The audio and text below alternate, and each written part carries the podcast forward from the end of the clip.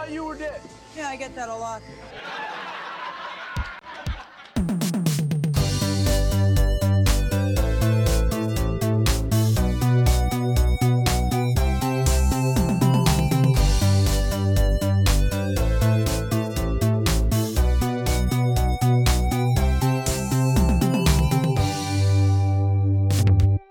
Då är vi alla tre tillbaka.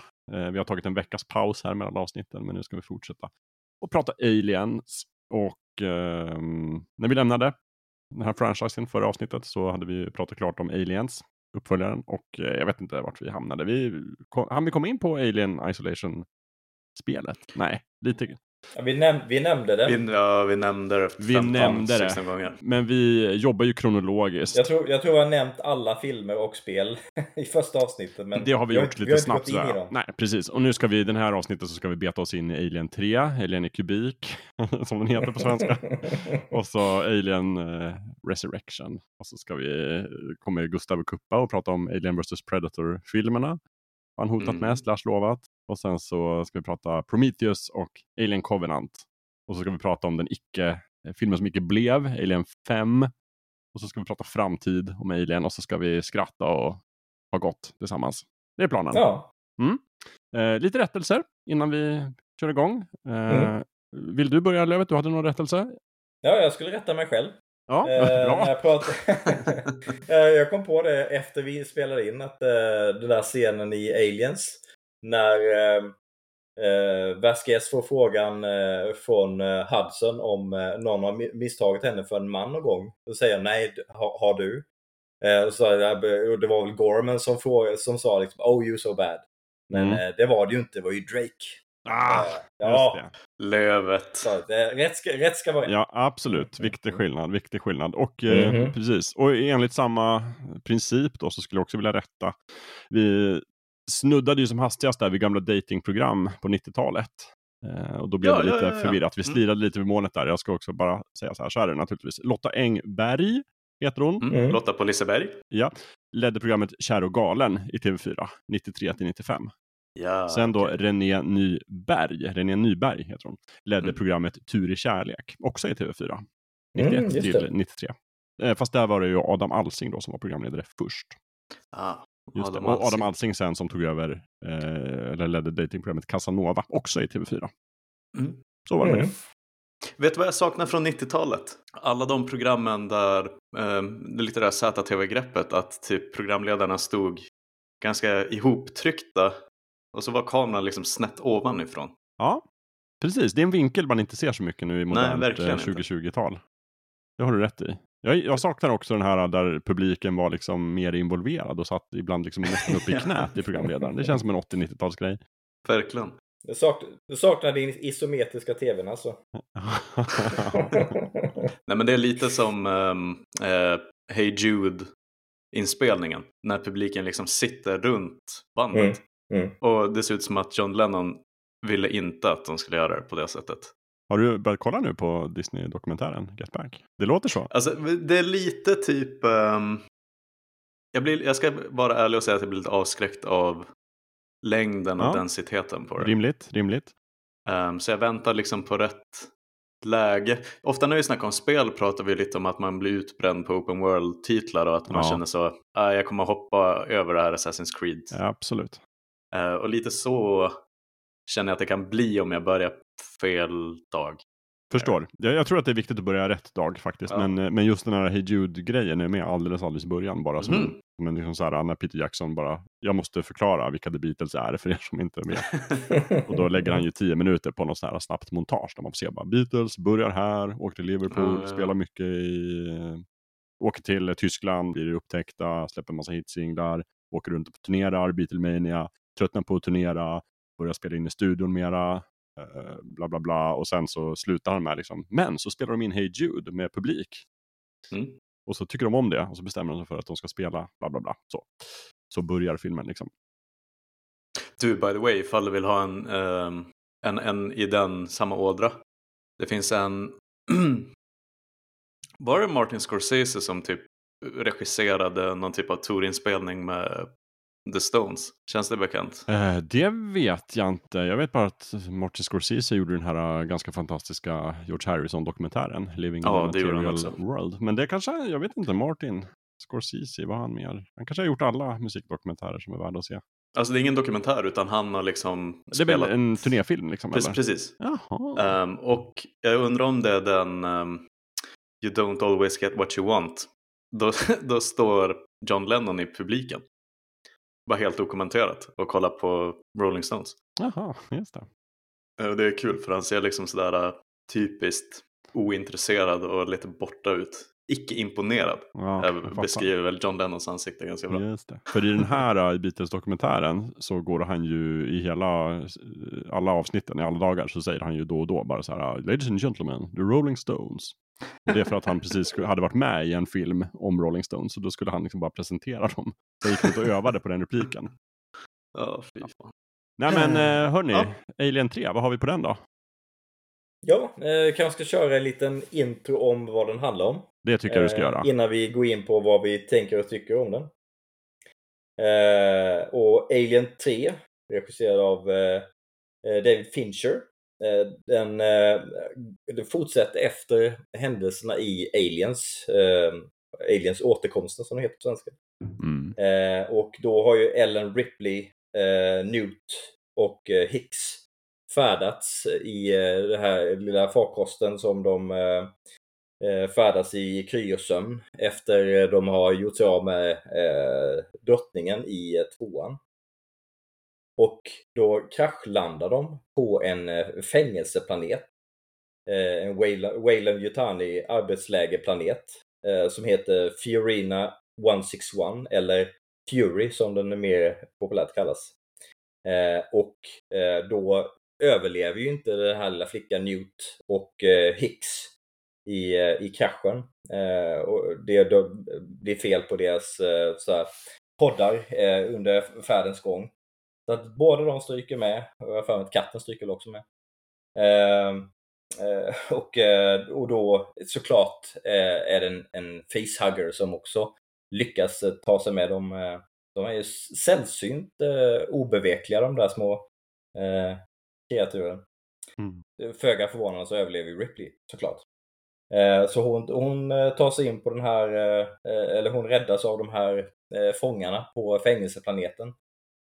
Och får långsamt inse vad som har hänt, vad som har hänt hennes medpassagerare och vad den här fångplaneten är för någonting och vad de gör där. Och, de här fångarna det är ju våldtäktsmän och mördare och som, som har bara bott, le, levt tillsammans med andra manliga eh, eh, fångar på den här fängelseplaneten. Så de är ju eh, naturligt nyfikna och skeptiska och eh, flera av dem är ju väldigt religiösa så de eh, tycker ju inte att eh, det ska svassa runt någon eh, Ellen Ripley och eh, locka männen där. Eh, men undan för undan så börjar ju Ellen Ripley inse att okej, men det var någonting annat som följde med på, eh, på den här eh, färden som har kommit hit till planeten. Och så ska hon under, under resans gång försöka förklara för de andra och få de andra att inse att det har kommit någonting farligt hit. Eh, Och Alien 3 är ju första gången vi får se en fyrbent Xenomorph i serien. Mm. När den här facehuggern eh, får en oxe slash hund, beroende på vilken version man ser. Eh, att eh, eh, ge upphov till en fyrbent facehugger, eller fyrbent xenomorph som springer runt och eh, slaktar eh, fång, fångar till höger och vänster. Eh, och det, eh, det, det här filmen är ju en återgång till ettans fokus på en, en ensam xenomorph som eh, sprider skräck genom hela filmen. Eh, och eh, det är ju som sagt David Fincher som regisserar den. Eh, och han har ju, han har ju fått, eh, innan det här, det här är ju hans debut i filmvärlden. Han har ju, var ju känd för eh, musikvideos innan det här. Just Och han har som gjort, Stackabo. Precis. Stackabo är vår David Fincher. eh, och eh, han har gjort väldigt många bra filmer eh, sedan dess, men den här är ju en film som han helst inte vill nämna eller Eh, han skulle gärna få vilja ha den avskriven från sin eh, filmografi eh, helt och hållet.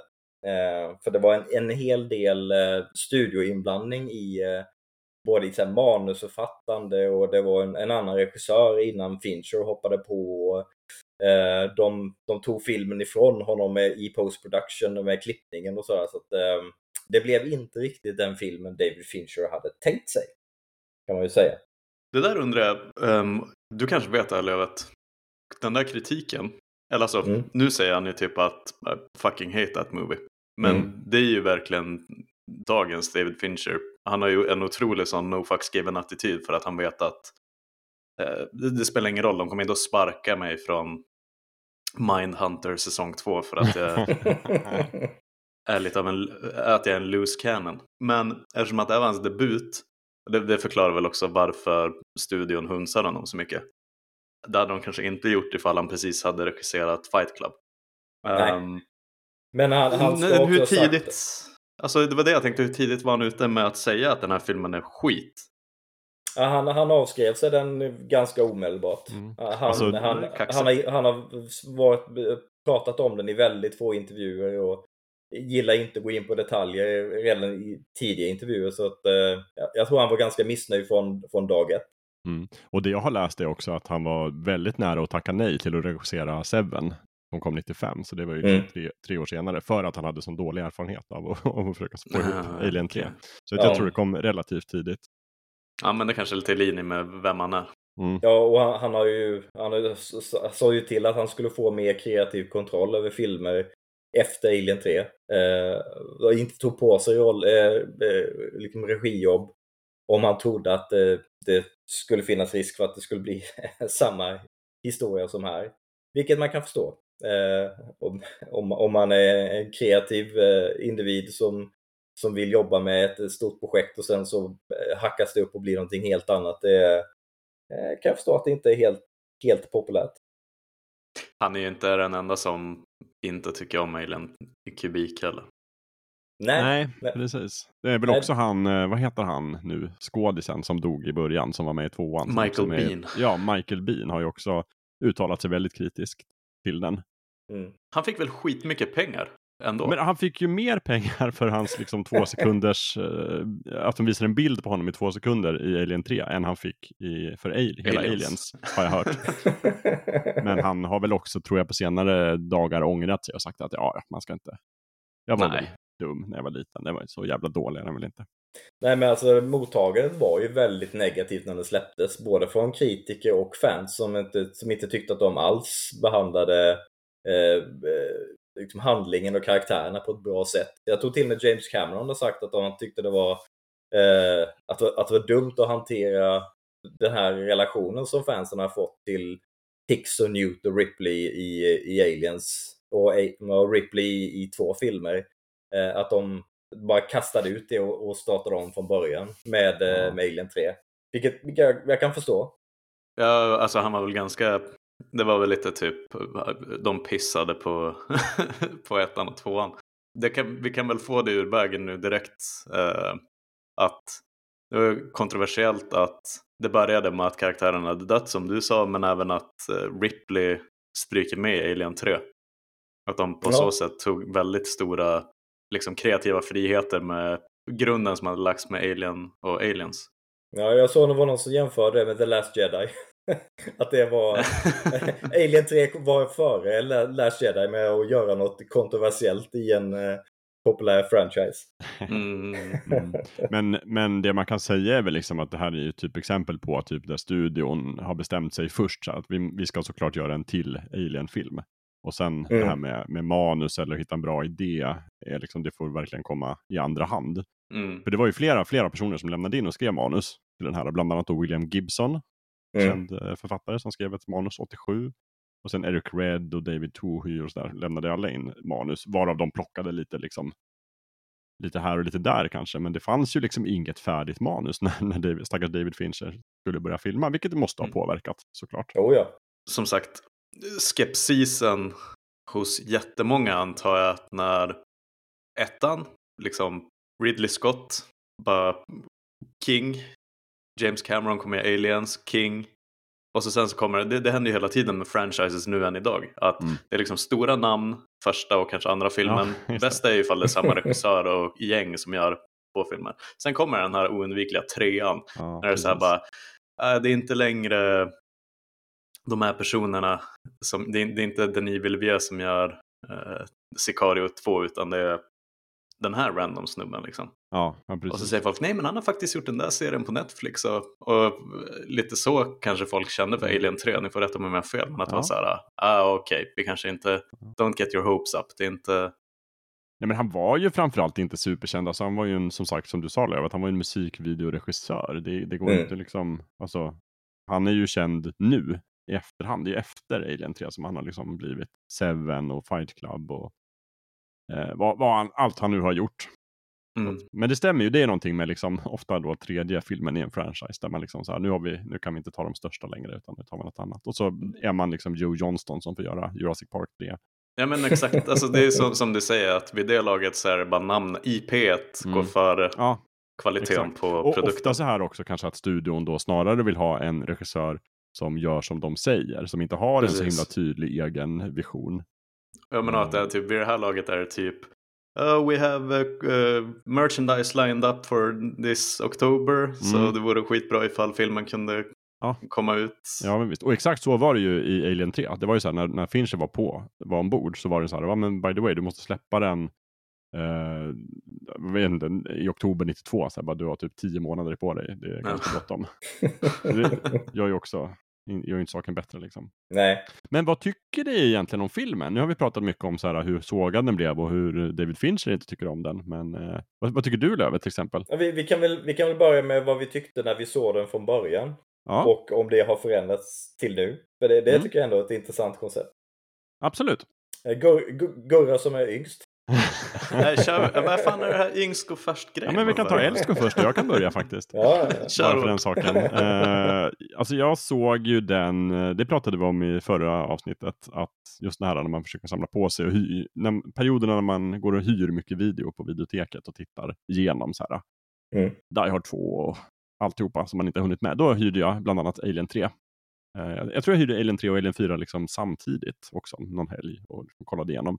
Då tyckte jag väl att den var ja, medioker. Alltså, inte på, i närheten av lika bra som ettan och tvåan, givetvis. Men jag tyckte den var liksom, ja men vadå, det var en helt vanlig sci-fi film. Den var lite otäck, den var lite, lite, jag hängde inte riktigt med i manuset. Jag tyckte den var liksom rörig handling och sådär. Mm. Eh, kändes som att det var ett väldigt definitivt slut. När Ripley liksom för att inte, för i, i filmen får man ju reda då på att det växer en, en alien i henne. Och inte bara vilken alien som helst utan en drottning-alien. Mm. Och för att inte det här företaget då ska få lägga vantarna på den så kastar hon sig ner i, jag tror det är lava faktiskt. Mm. Visst är det det? Ja. Som finns på den här fängelseplaneten. Och eh, då kände jag mig verkligen, okej det här var ju slutet på den här franchisen. Och det är det ju naturligtvis inte. Men jag minns att jag tänkte så i alla fall. Att ja, det var i alla fall ett ordentligt slut. Och sen såg jag Alien Resurrection. Dagen efter. Och någonting med titeln på den filmen fick det att tänka, hmm, undrar om man är tillbaka alltså. Nej men jag vet att man skojade om det. Eller så här, jag tänkte, det- jag tror jag såg det med en kompis och vi skojade så här, "Ja, de får väl klona någon liksom. Och så där. Det var ju precis vad de gjorde. Och så sen din kompis sa, nej så jävla dumt kan det inte vara. Ja, någonting sånt. Eller om det var jag som bara, "Ah, ja, Eh, Ja, för det var inte, alltså, det här var ju före Arnold Schwarzenegger blev klonad i, vad är det, den sjätte dagen eller något sådär. Den heter hans kloningfilm. Åter, eh, en, en till bra svensk titel. Vi snackade om den åttonde passageraren förra Ja, avsnittet. De måste bli, komma tillbaka till det där. jag gillar också taglinen på den filmen, de valde fel man att klona. Känns också som de, så den tiden. ja, verkligen. Men och där är jag faktiskt också ganska ledsen över att Alien 3 inte har någon, vad jag vet, snärtig svensk titel. Utan det var bara äh, Alien 3. Mm. Mm. Den är ju inte officiell Alien i kubik som vi... Nej. Nej, det ska jag ju säga. Det, det är ju vi som eh, humoristiskt påtalar det, men eh, det, grafiken eh, visar ju Alien i kubik. Men jag ska också säga att det var nu sjukt länge sedan jag såg Alien 3. Jag tror faktiskt inte jag har sett den sedan den här första gången. Eh, förutom då den här eh, mycket förbättrade assembly cut-versionen Mm. av filmen som de satt ihop med mycket extra material som, som på något sätt ger, liksom, eller den gör ju ganska mycket förändringar i filmen. Ja. Den tycker jag är bättre, men den har jag också sett bara en gång. Det låter ändå inte som att du för, um, vad ska jag säga, det, det, det brinner inget hat in i Jakobs kropp för Alien Nej, kubik. jag kan, inte hata, jag kan inte hata Alien 3 på samma sätt som jag hatar andra filmer. Det går inte. Jag känner inte mycket överhuvudtaget. Alltså. Jag ser att den är sämre. Det är alltså en typisk trea tycker jag. Så här. Kurvan är ju ofta, men det är ganska ovanligt att en tvåa är bättre än ettan. Sådär, lite grann. Det är ju typ Mm. Aliens är ju liksom snarare undantaget som bekräftar regeln. Eller Terminator 2 då. Ehm, brukar man säga. Men trean är ju nästan aldrig bättre. Liksom. Nej. Jag tycker att den följer kurvan ganska, liksom normalfördelningskurvan. Att den är betydligt sämre än ettan och tvåan. Precis som Jurassic Park 3 är betydligt sämre än, än ettan och, och tvåan. Där, Mm. och, där är det ju, och där lyckas ju vissa franchises. Det kommer fortsätta på, men nu är frågan hur vi ska hantera de kommande filmerna. Men jag tänkte typ Fast and the Furious, där är ju trean också horribel Ja, sätt och vis. Men, men sen lyckas de ju hämta upp det och så får den någon nytändning. Det Ja, händer väl precis. kanske inte på samma sätt med Jurassic Park eller Alien-franchisen. Nej, inte riktigt. Nej. Men det kan Nej. det. Ja, Men, men trean brukar ju vara en sån eh, klassisk dipp Mm. i kvalitet av någon Precis. anledning. Men det här är en bra hemläxa för alla lyssnarna. Eh, skicka in till oss den film nummer tre i en serie som är bäst, eller som är bättre än ettan och tvåan. Jag, jag kan inte komma på någon. Jag kommer Nej. på en. Vilken då? Eh, Eller jag håller inte med personligen. Men många tycker väl ändå att eh, Die Hard with a Vengeance kanske inte är bäst men att bättre än tvåan. Liksom. Ja, men okej, men bättre än ettan då? Eller Nej, okej, nej. så här är läxan. Då. En, en filmserie där trean är den bästa. Eh, Okej, The Bourne Ultimatum kan, kan jag göra ett case nu, för är den det- bästa. Nu är det för lyssnarnas läx läxa. Det är inte du som ska svara på Men okej, kanske Born, Born faktiskt är ett ganska bra exempel. Jag säger dem det lätta nu så att de slipper. Ja, nej, men eh, jag vill höra exemplen. Skicka in. Så kan du vinna ett klistermärke. Ja, eh, då kanske kanske jag ska köra. Gör det. Eh, Jag såg ju den när den släpptes och eh, jag minns, eh, det snackades ganska mycket på skolgården om det. Att liksom bara, oh, oh, har ni sett den när han, eh, den där flyger in i fläkten och bara stöveln som hänger där. Och jag bara, oh, Skolgård, skolgården, skolgården var ju den tidens Flashback. Eh, Exakt, exakt. Det var så man fick reda på vad folk tyckte om det. Vad de tyckte på riktigt. Eh, Exakt.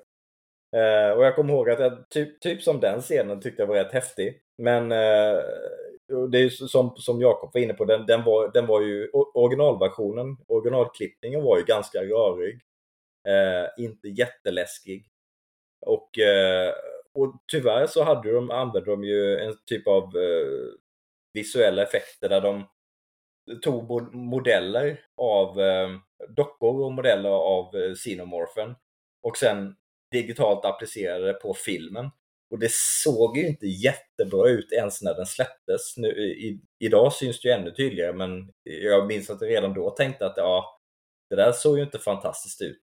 Och då hade du ändå en film från 79, som, eller ja, alltså från 79 som såg betydligt bättre ut och eh, en uppföljare som såg betydligt bättre ut och sen kommer den här liksom, på 90-talet och bara ser eh, eh, blaskigt ut. Och, och, och, och så, men sen har, med åren och sen den här Assembly Cut släpptes, eh, den gör ju den betydligt mindre rörig. Eh, och, och man får, får liksom bekanta sig med karaktärerna mer och, eh, och, och med, med ålderns visdom har jag kunnat släppa det där med att effekterna kanske inte ser fantastiska ut alla gånger. Så, så nu gillar jag faktiskt den. Den- Den är definitivt sämre än de första två. Eh, ganska markant skulle jag säga, men, men jag tycker inte det är en dålig del i serien längre. Vilket Mm. jag tyckte när den släpptes.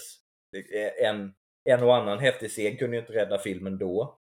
Men nu tycker jag inte att eh, saker som lite taskiga effekter kan sänka filmens helhet. För för jag, jag gillar ändå det att de fokuserar på en ensam Xenomorph och den är ju lite, lite mörkare, lite mer deprimerande än framförallt tvåan. Det finns ju inga humorelement direkt, kan man ju inte säga. Eh, Det är ju en ganska blek eh, eh, situation eh, Ripley befinner sig där på Fury. Eh, Så att, eh, nej, det, jag har faktiskt gått en resa där jag, ja, jag tycker om den nu för tiden. Jag, jag skulle inkludera den i en trio bra Alien-filmer faktiskt. Huh. Intressant. Ja. Du då Gurra? Uh, jag... Förlåt, jag ska bara öppna en öl. Uh, uh, jag skulle säga så här, på tal om Bourne-filmerna. Att om Alien och Aliens är lite så The Bourne Identity. Om, den, om jag ser den på tv så tänker jag oh, och så sätter jag mig ner och så kollar. Alien 3 blir för mig typ The Bourne Legacy, den med Jeremy Renner. Mm. Det finns vissa scener och grejer som jag tycker är nice. Den har någonting. Men um, jag vet inte, jag kan liksom inte uh, få någon sån entusiasm att sätta mig ner och kolla, kolla klart. Um, och jag, jag, ska också säga att ibland om jag ser den på tv så vet jag inte riktigt om det är trean eller fyran jag kollar på.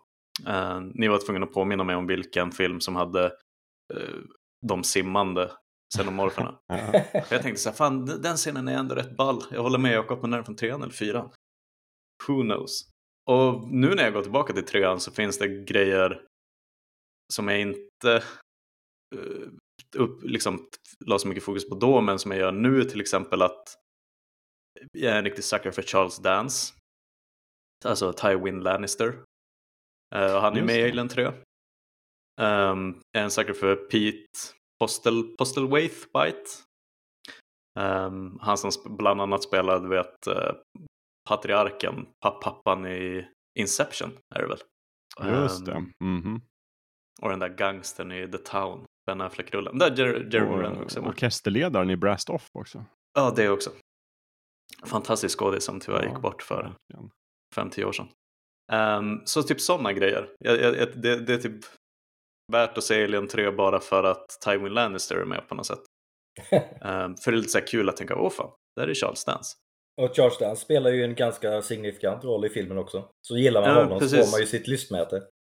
Och det var, jag tror också att det var ett, uh, inför förra avsnittet så läste jag på att Charles Dance typ ville att eh, en annan skådis, gud vad heter han?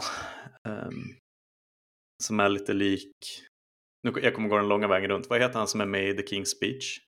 Alltså som inte um, Colin Firth. Som spelar Barbosa i Pirates of the Caribbean. Kom igen nu fullkultur, muster your forces. Guy Pearce, kungen. Nej, nej det är Jeffrey Rush. Eh, Tack. Ja, vad, heter, ja. vad heter skådisen som ser ut som Jeffrey Rush som är med i alla kostymdraman som någonsin har gjorts? Eh. Okej, okay, vänta nu. Okej, okay, Alien 3. Jag ska rädda oss lite tid där. Eh. Vem spelar han i Alien 3? Säg det då istället. Så. Nej, nej, Charles, Charles Dance spelar ju eh, Jonathan Clemens. Ja, den här, han är ju fånge. Ja, som har blivit någon doktor Just där det, på fängelseplaneten. Mm. Han, han ville Fincher ville att den rollen skulle spelas av Richard, Richard E. Grant. Ja, just det. Mm. Från uh, filmer som... Filmer som... Han har varit med i Hudson, Hudson Hawk, LA Story, Dracula, The Age of Innocence han är med i. Um, han har ju varit med supermycket. Ja. Uh, Känt ansikte. Här ser jag att i Star Wars The Rise of Skywalker, skitfilm, så spelar han Allegiant General Enric Pride. Minns Just ni den det. karaktären? Ja, absolut. Mm. Mm. Mycket väl. Uh, nej, men uh, så Richard E. Grant skulle egentligen spela den rollen från början för att få ihop honom med några andra som han hade jobbat med förut. Men nu är det alltså Charles Tywin Lannister Dance som, som är Jonathan Richard, Clemens. Richard E. Grant är ju väldigt bra på att spela en så, eh, brittisk karaktär med en pinne eh, uppstoppad någonstans. Upp i, precis. En stor pinne. Det gör han ju i, uh, i Star Wars och typ alla andra filmer jag sett mm. Ja, nej men gud. Han är med Han är lite som Michael Stuhlbarg, att han är med i allt och är alltid skitbra. Men mm. man vet inte riktigt vad han heter. Ja, men sådana saker. Uh, Lance Henriksen igen. Uh, som Bishop. Ja, just det. Mm. Precis. Mm. men också som den levande Bishop var i slutet. Ja, ja just precis. det. Precis. Och där, då får man reda på att eh, den människan som, som dyker upp som Ripley tror är eh, ännu en eh, syntetisk eh, person. Det är ju är en faktiskt eh, Wayland Yutani-anställd som skapade eh, Bishop-modellerna. Mm. Det var ju lite häftigt när man såg det första gången. Ja men typ så sådana saker. Sen skiter jag lite i storyn. Jag tycker att det blir lite de är inte lika, Alien 3 är inte lika ren som ettan och tvåan på något sätt. Det, det blir lite för, jag, jag fattar vad du menar Lövet, att de tar tillbaka till att det är en xenomorf och de är fast på ett ställe. Och, um, så, så det låter ju som att de går tillbaka mera till eh, den enkla idén med ettan. Men, men för mig blir det lite... Eh, storyn fläker ut sig på ett konstigt sätt över den där filmen. Det blir också väldigt mycket liksom kopplingen mellan Ripley och aliens, vilket mm. ju inte finns i de två första mer än att hon är den som har överlevt. Precis, det blir lite den här this time it's personal. Uh, här är det ju verkligen så här, åh vi är så connected. Ja. Och så här, det tycker jag är lite sökt. Precis, ja, men det, det är nog dit jag vill komma. att um, jag, jag, tror att franchisen vid det här laget har blivit lite för självmedveten. Lite på samma sätt som att, ja men typ Game of Thrones blev lite för självmedvetet efter fyra säsonger mm. och började mm. skämta med sig självt. Och, och, det tycker jag börjar märkas i Alien 3. Sen blir det mycket, mycket värre i fyran. Ja. Men Alien 3 har lite beginnings av att alla vet vad Alien är. Liksom. Mm. Och det måste ha varit svårt för David Fincher att, att tacklas med. Att just komma in, inte bara att följa upp Ridley Scott och uh, James Cameron, men också att ge sig in i Alien-fighten när det har blivit en världssuccé. Liksom. Men det måste ju också vara så att om, om han nu hade fått, om Fincher hade fått jobba med ett, ett, ett liksom solitt genomarbetat eh, planerat manus. Och har fått jobba med, eh, regissera ett manus som man eh, tror på och, och kan temposätta eh, klippningen och, och liksom allt, allting sånt. Hade det här inte kunnat bli en, en ganska bra alien-handling då? Jag tror faktiskt det. Eh, mycket av det här problemet som filmen har tror jag inte är i, i storyn eller att eh, Ripley har fått lite för mycket fokus. Jag, jag tror ändå det här skulle kunna bli riktigt bra om, om en, en kreatör hade fått jobba med projektet från början till slut utan eh, massa andra fingrar i soppan så att säga. Mm. Ja, men den andas ju för många kockar. Så är Ja. det ju helt klart. Det, det håller jag helt med om. Ja, för det är liksom inte heller... Det, det är inte så klassiskt fall av kommittédesign där allting bara blivit väldigt safe och säkert. Nä, nästan tvärtom, utan det känns mer som ett mischmasch av idéer som har kommit halvvägs. Ja. Så det är ja, inte omöjligt att Mm. manuset som finns, det finns en bättre film i det manuset. Nej, men det är ju, jag tycker det är typiskt just för den här produktionen som så bara, vi måste börja filma den här veckan. Nu, men ja. manuset är inte klart. Vad gör vi? Ja, vi börjar filma så löser det sig på vägen. Då, Mm. då blir det ju så här. Vad kan gå fel? Ja. Nej, men vad ska, vad ska vi göra? Den ska ju ut på biograferna. Vi har fan sålt. Jag har sålt in den här filmen. Nu, är bara, nu måste bli klar. Bara jo, jobba nu Fincher, säger Fox. Åh, men du har ju hela helgen på dig. Ja, Du, hej inte! Eh, det, är, åh, det är en bra, bra reklamfilm. Mm. Sen, sen tror jag kanske inte att det finns... Jag har svårt att säga, det ska jävligt mycket till för att Alien i kubik ska, ska, ska kunna liksom... Att executionen ska vara så pass bra att den blir Alien och Aliens bra. Ja. Ehm, för, för, jag, för jag tror inte att... Jag, jag tror verkligen inte att problemet var David Fincher. Och jag tror inte att alla problem heller skulle lösas av att typ att de sa men fuck it, vi tar in James Cameron igen. Och så sen så får han bara hoppa in i elfte timmen och, och, och han kan bara säga nej tack till alla idéer som slängs hans väg och, och tuta och köra. Det, det, det, det, jag tror ändå att det finns någon så här, fundamentalt svagare med trean än Mm. ettan och tvåan. Men lite, och, och, det är så här, och jag tror inte att det är någons fel heller. Jag, jag tror att det mer handlar om att idén hade lite, fått lite slut bränsle vid det här laget. Mm. Ehm, och, och jag tycker nästan att fyran är ett kvitto på det. Så på så sätt så, lite önskar jag att de bara gav sig efter aliens. Och i en annan parallellt universum så fick vi typ Blade Runner 2049 långt, långt senare. Av någon Mm. skicklig regissör som var så här, varför har ingen gjort en tredje Alien-film? Typ. Jo, men det, det, vi kanske ska gå på Alien 4 då. Mm. Får jag bara Eh, slänga in ett tips innan där. Eh, William Gibsons manus till Alien 3 gjordes också faktiskt till en seriebok i fem delar från Dark Horse som heter Mhm. William Gibsons Alien 3. Och eh, den kan jag rekommendera. Jag tycker det är en väldigt festlig och bra Alien Story. Som man kan läsa då på någon sorts serieboksläsare eller en Mm. serietidning. Did not know that. Men ja, vi hoppar vidare till uh, Alien återuppstår. Jajamän. Den släpptes ju 97. Så det, det, det blev ju ett gäng års eh, väntan på att de skulle följa upp Alien 3.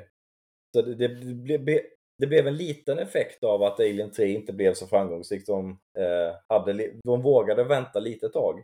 Men sen så, ah, eh, Alien, eh, Ripley kan ju faktiskt inte dö. Vi måste göra en film till. Eh, så då släppte de Alien återuppstår eh, 97. Och eh, då är ju som vi varit inne på tidigare storyn att eh, eh, det ständigt elaka eh, Wayland Yutani har ju klonat Ripley eh, baserat på eh, lite organiskt material de lyckas få tag på från den här eh, eh, lavamasugnen från Fury-planeten. Ehm, och då så har ju hon alien-DNA i sig. De har ju inte kunnat separera det här. Eh, så då har de ju tagit alien-DNA och föder upp eh, aliens och då tänker de, äh, why not? Vi, vi, vi försöker klona fram en eh, Ripley ur det hela också. Och efter ett, en serie misslyckade försök med groteskt resultat lyckas de få fram en, en Ellen Ripley som, som har vissa delar alien-egenskaper, bland annat hennes hennes förvisso röda blod, men som har eh, frätande egenskaper. Och sen är hon jävligt stark också. Och duktig på basket tydligen. Som ju alla aliens är. Exakt. Eh, och eh, då eh, när man, när man börjar den här filmen så är det ju ytterligare en, en besättningsgrupp som man ska lära känna. Med bland annat Winona Ryder. En, en ung Winona Ryder som, som spelar synteten i, i det här sällskapet. Eh, Och den här besättningsgruppen har ju för med sig en serie fångar som, eh, som ska föras till ett, ett större fartyg för, för eh, oklar forskning. Eh, oklart forskningssyfte, vilket såklart är att de ska stoppa massa facehuggers i samma eh, kammare som de här stackars fångarna och ja, föda fram sinomorphs helt enkelt. Eh, och eh, det är ju då eh, manus, det har också varit eh, en hel del kockar inblandade i manus på den här filmen. Men eh, den, eh, den nö- nördbekanta eh, Joss Whedon eh, stod ju för den huvudsakliga pennan i, i eh, filmen. Vilket, vilket jag tycker märks i eh, den där Whedon-humorn som kan eh, skönjas lite, lite här och där. Den är ju, Oh, det, är- det är en ganska humortung eh, film på många sätt och i, hur karaktärerna eh, beter sig överlag. Men, men eh, det här är ju också studion blandades i och de, eh, de ändrade i manus titt som tätt och eh, de visste inte riktigt vad det skulle bli av det. Och resultatet är också en, en ganska spretig film men på ett helt annat sätt än, än Alien 3 skulle jag säga i alla fall. Jag vet inte vad ni tycker. På ett annat sätt, ja. På ett värre sätt, ja eller Ja. nej? Jag tycker om den här filmen mer än Alien 3. Jaså? Även om jag kan inte liksom riktigt förmå mig att säga att jag tycker det är en bra film. Men jag har ändå så här, ah, någon sorts fin känsla kring den. Vilket är, jag förvånar mig själv också. Sådär, jag liksom tänker på den ibland och tänker, vad fan så jävla dålig kan jag inte tycka att den är liksom ändå. Eh, jag tycker nog att, jag vet inte riktigt vad det är, för jag tycker nog att den är rätt kass egentligen. Men jag tycker den är snygg, för det första. Mm. Eh, den använder, Mm. den första Alien-filmen som använder ändå liksom datoranimerade aliens ganska mycket. Mm. Eh, vilket gör att jag tycker den är snyggare än Alien 3. Eh, även om den, när den är ful, är ful på det här liksom 90-tals dataeffekter-sättet. Alltså Mm. en, Mm. en ful film från 97, det går, finns ju inget fulare. Ehm, Vad var det men- 97 vi fick ehm, Godzilla-filmen också med Ja, det var det ju, precis. Ja, men Absolut, det, jag, jajamän, jag, ja. jag, jag tänker lite på den också. Ja, det är som så här hybris när det gäller vad, vad datorgrafiken kan göra. Men, men också de scenerna som är snygga, alltså undervattensscenen med de simmande alienerna, jag tycker än idag är riktigt, riktigt snyggt gjord. ja, är det. Eh, och jag tycker om Alien återuppstår för att den verkligen liksom vänder på alltihopa. Den försöker, den är verkligen alla Alien-filmer har ju en, en, egen ton och en, liksom, mm. en, en look. Och den här har ju verkligen det. Um, jag tycker om att den är lite mera liksom, glimten i ögat. Uh, även om jag, det liksom, kan uppskatta det kanske på ett akademiskt sätt mer. Alltså, att det är roligt att den försöker något annat. Mer än jag faktiskt kanske njuter av den. Um, mm. Ja, den vet jag inte. Alltså regissören Jean-Pierre Genot, han var ju mer, han var ju inte så involverad i den egentligen. Utan studion letade efter någon som bara kunde liksom regissera yes den här man. filmen med vänsterhanden och vara en yes man. Och han var ju helt fokuserad på, alltså han kunde för det första inte engelska så att han behövde en tolk liksom när han filmade. Och han var ju också väldigt, väldigt inne på att förbereda Amelie.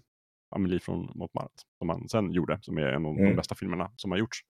Eh, så han var väl inte superengagerad i Alien-filmen. Josh Whedon hade ju liksom, alltså hans manus är också ganska styckat vad jag har förstått mm. av studion. Han skrev ju typ, vad är det, fem olika versioner av slutet som skulle utspela sig på jorden. Men inget av det är ju med i filmen, utan de så här, klipper ju filmen väldigt snabbt eh, innan de kommer till jorden. Mm. Det är mm. ju lite synd. Eh, men jag gillar en del av koncepten. Jag gillar ändå att de hoppar 200 år framåt i tiden. Det tycker jag också. Eh, faktiskt. Att det, blir liksom, det, det, det, blir någon sorts fräschhet i det om att så här, ja, men nu finns det lite ny teknik och liksom det funkar på ett annorlunda sätt.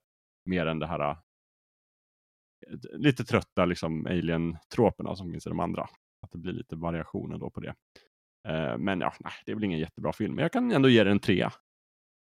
Det där tycker jag är just det här hoppet. För vad är det, 200 år framåt? Mm.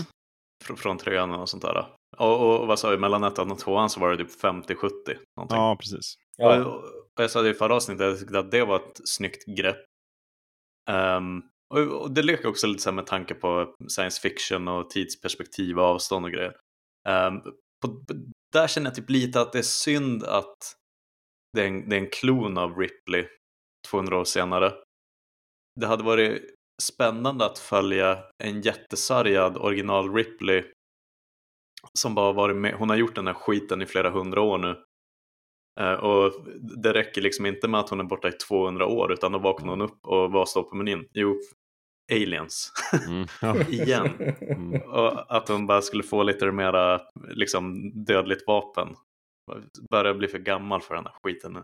Mm. Um, li lite typ samma resa som Holden gjorde i um, The Expanse. Gå från liksom så här naiv gröngöling till att bara bli så här, åh oh, gud, jag, jag, orkar inte rädda världen en gång till.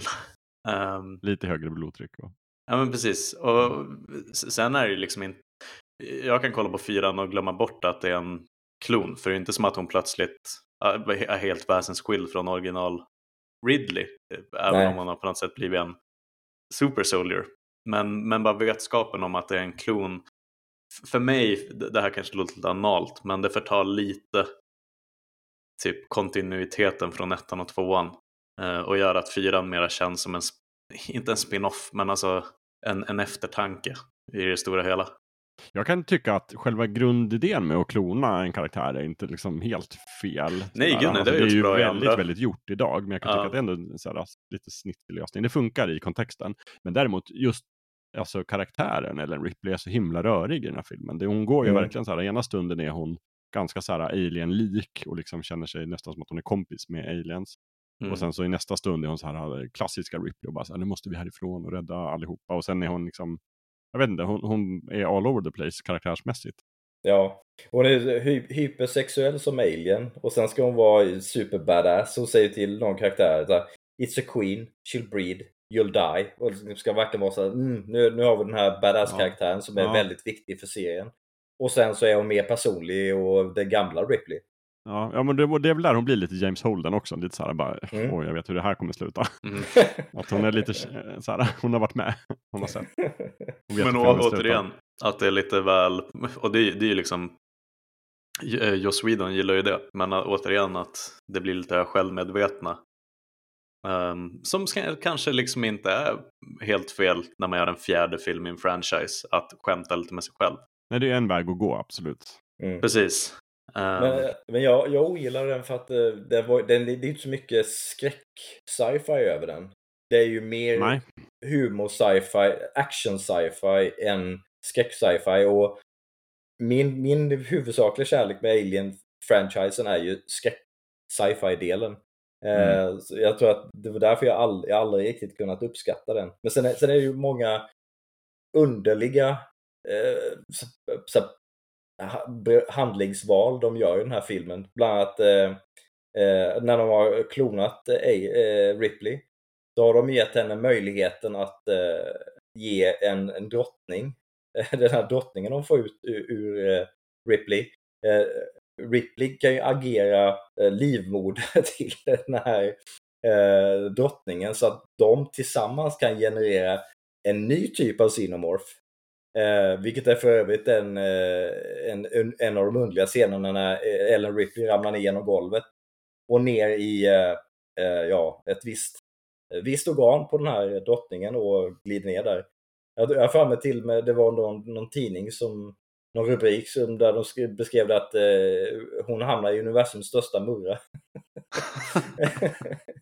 Men, och, och sen så föder hon fram den här eh, liksom kvasimänskliga sinomorfen som, som gnyr som en hundvalp och, och uh, tyr sig till uh, Ripley och ser konstigt designad ut och uh, liksom, he hela slutsekvensen blir bara ah, det, är inte, det är inte Alien. Alltså, man kan ju tycka om den som en, kanske som en sci-fi actionfilm eh, med humoristiska inslag men, men Alien tycker jag aldrig riktigt att, att den, den känns som. Visst, den har Ripley och den har ju Xenomorphs och allt, allt det förväntade men det har inte känslan av en Alien skräck sci-fi film i, i mina ögon. Men vad, vad, tycker ni om alltså just det här slutet? Förhandlingen i stort är att hon har ju typ, hon är ju någon typ av, hon är ju nästan en hybrid men hon föder ju verkligen en hybrid. Mm. Um, och hon har liksom någon sorts telepatisk förmåga att tämja skiten och den tycker jag att Ripley är min mamma liksom. Tycker ni att det där funkar? För jag tror att i slutet så ska ju Ripley ska ju på, på något sätt förmedla för publiken att det tar, att det tar emot att liksom skjutsa ut den här äh, bastarden mm. genom, ut, ut i rymden och att, mm. att hon har alltså modersinstinkter till den. Um, för det missade jag ganska hårt. Jag trodde att hon grät för att hon bara var så himla slut och ja. tömd på men, att det ska vara någon typ av så här, uh, nu let's blur the lines mellan vän och fiende. Och tycker ni att det håller? Det är Nej, greppet i storyn? Jag, jag, tycker inte det håller. Jag tycker det är de liksom svagaste delarna. Hela. Men det är också precis som, som de började göra i trean. Att så här, nu ska det vara en sån tight koppling mellan Ripley och Alien som ska vara typ en och detsamma. Och den typen av liksom, funderingar tror jag inte liksom, publiken har riktigt. Nej. Det är inte så här, men nej, det behöver inte vara mer komplicerat än att aliens är aliens och människorna försöker överleva. Det är ju liksom grundkonceptet. Precis. Och där tycker jag faktiskt att de typ förråder lite, speciellt ettan, där, där allting går ut på att ni har sett monster på film tidigare, men det här är liksom en Apex Predator som inte har någonting annat i huvudet annat än att döda. Mm. Um, och, men det är lite så här, ah, men och Alien, Xenomorphen är liksom en karaktär vid det här laget. Och, så, så den ska, vi ska flä, liksom fläska ut det lite grann. Jag, jag tycker att fyran verkligen pajar den premissen. Att mm. det finns inget, inga liksom redeeming qualities. Nej. Ja, men det, det är just det, det där med att den är den perfekta organismen Precis. i de tidiga filmerna. Att man, man, är rädd för den för att liksom, den har syra till blod, den, den, är, den tänker inte på något annat än att döda och den är fruktansvärt effektiv på det. Men Exakt. här blir det ju som att eh, de är en, ja det är som du säger, att de, de är i, i främsta rummet och, och den här drottningen som håller på eh, ja, få ihop det med Ripley där och det, det, skräckelementet finns ju inte där längre riktigt. Det, nej, det är lite så här, det, det, de, de, de försökte göra bygga mera liksom lore och bygga världen. Det var konstigt ställe att lägga krutet på. Mm. Och sen det, det är som, som Jakob var inne på, eh, flera av de här eh, manusutkasten var, gick ut på att de skulle det skulle utspela sig på jorden. Mm. Och de är ju på väg ner till jorden där i slutet när eh, eh Ripley skjuter hål i, i glaset så att eh, hennes bastard till eh, Cinemorph eh, barn sugs ut i en, en ganska eh, grafisk, eh, grafisk, scen, alltså. Ah, Men liksom så här, bit för bit liksom sugs ut eh, deras innehåll i, eh, i det här hålet i väggen. Eh, Men så där, där kan man ju faktiskt se spåren av vad Whedon tänkte göra med, med slutet ursprungligen. Och det var, ju, det var ju en grej ganska länge där att de ville få aliens, xenomorphsen, till jorden. Mm. Men det blev aldrig, det blev inte någonting av det. Kan ju vara värt att, att bara kolla lite på Josh Whedon var han var så här, karriärsmässigt. Nej, för att han var ju, det här, han har inte gjort, det här är ju precis före Buffy the Vampire Slayer som han blev Mm. känd för. Eh, Men han hade jobbat ganska mycket som, som vad heter det, script doctor och liksom putsat upp manus. Där, fast Mm. han, då hade han jobbat på liksom Waterworld och Speed till exempel. Och sådär. Sen eh, hade han jobbat på dels manuset på den här filmen och sen också två animerade filmer, nämligen Atlantis, som jag vet att du älskar, Gustav. Ja, jag vet och det är typ, Mm. ehm, jag, jag tycker inte om Joss Whedon men jag måste ju bara erkänna att han har haft en hand i den filmen. Han lämnade in ett early draft, men också Titan AI som inte alls är, är, lika bra. Och han har ju uttryckt både liksom Buffy the Vampire-filmen och Titan AI och Alien Resurrection att han liksom det, var- det var inte riktigt som jag hade tänkt mig, de färdiga produkterna. Så att han har väl också lite grann tagit avstånd ifrån Mm. det.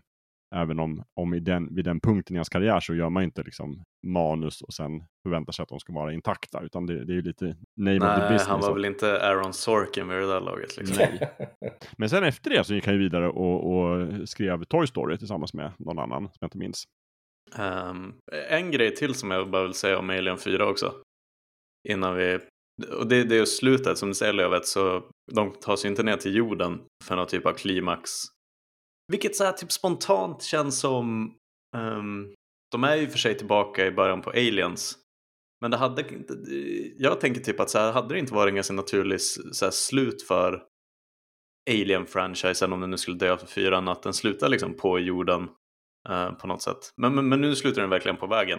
Och i, en liten sån, ja. typ, eh, vad fan händer nu? Och så ebbar det ut i någon typ av osäkerhet och fick de bort den sista spåret av facehuggers och sånt där.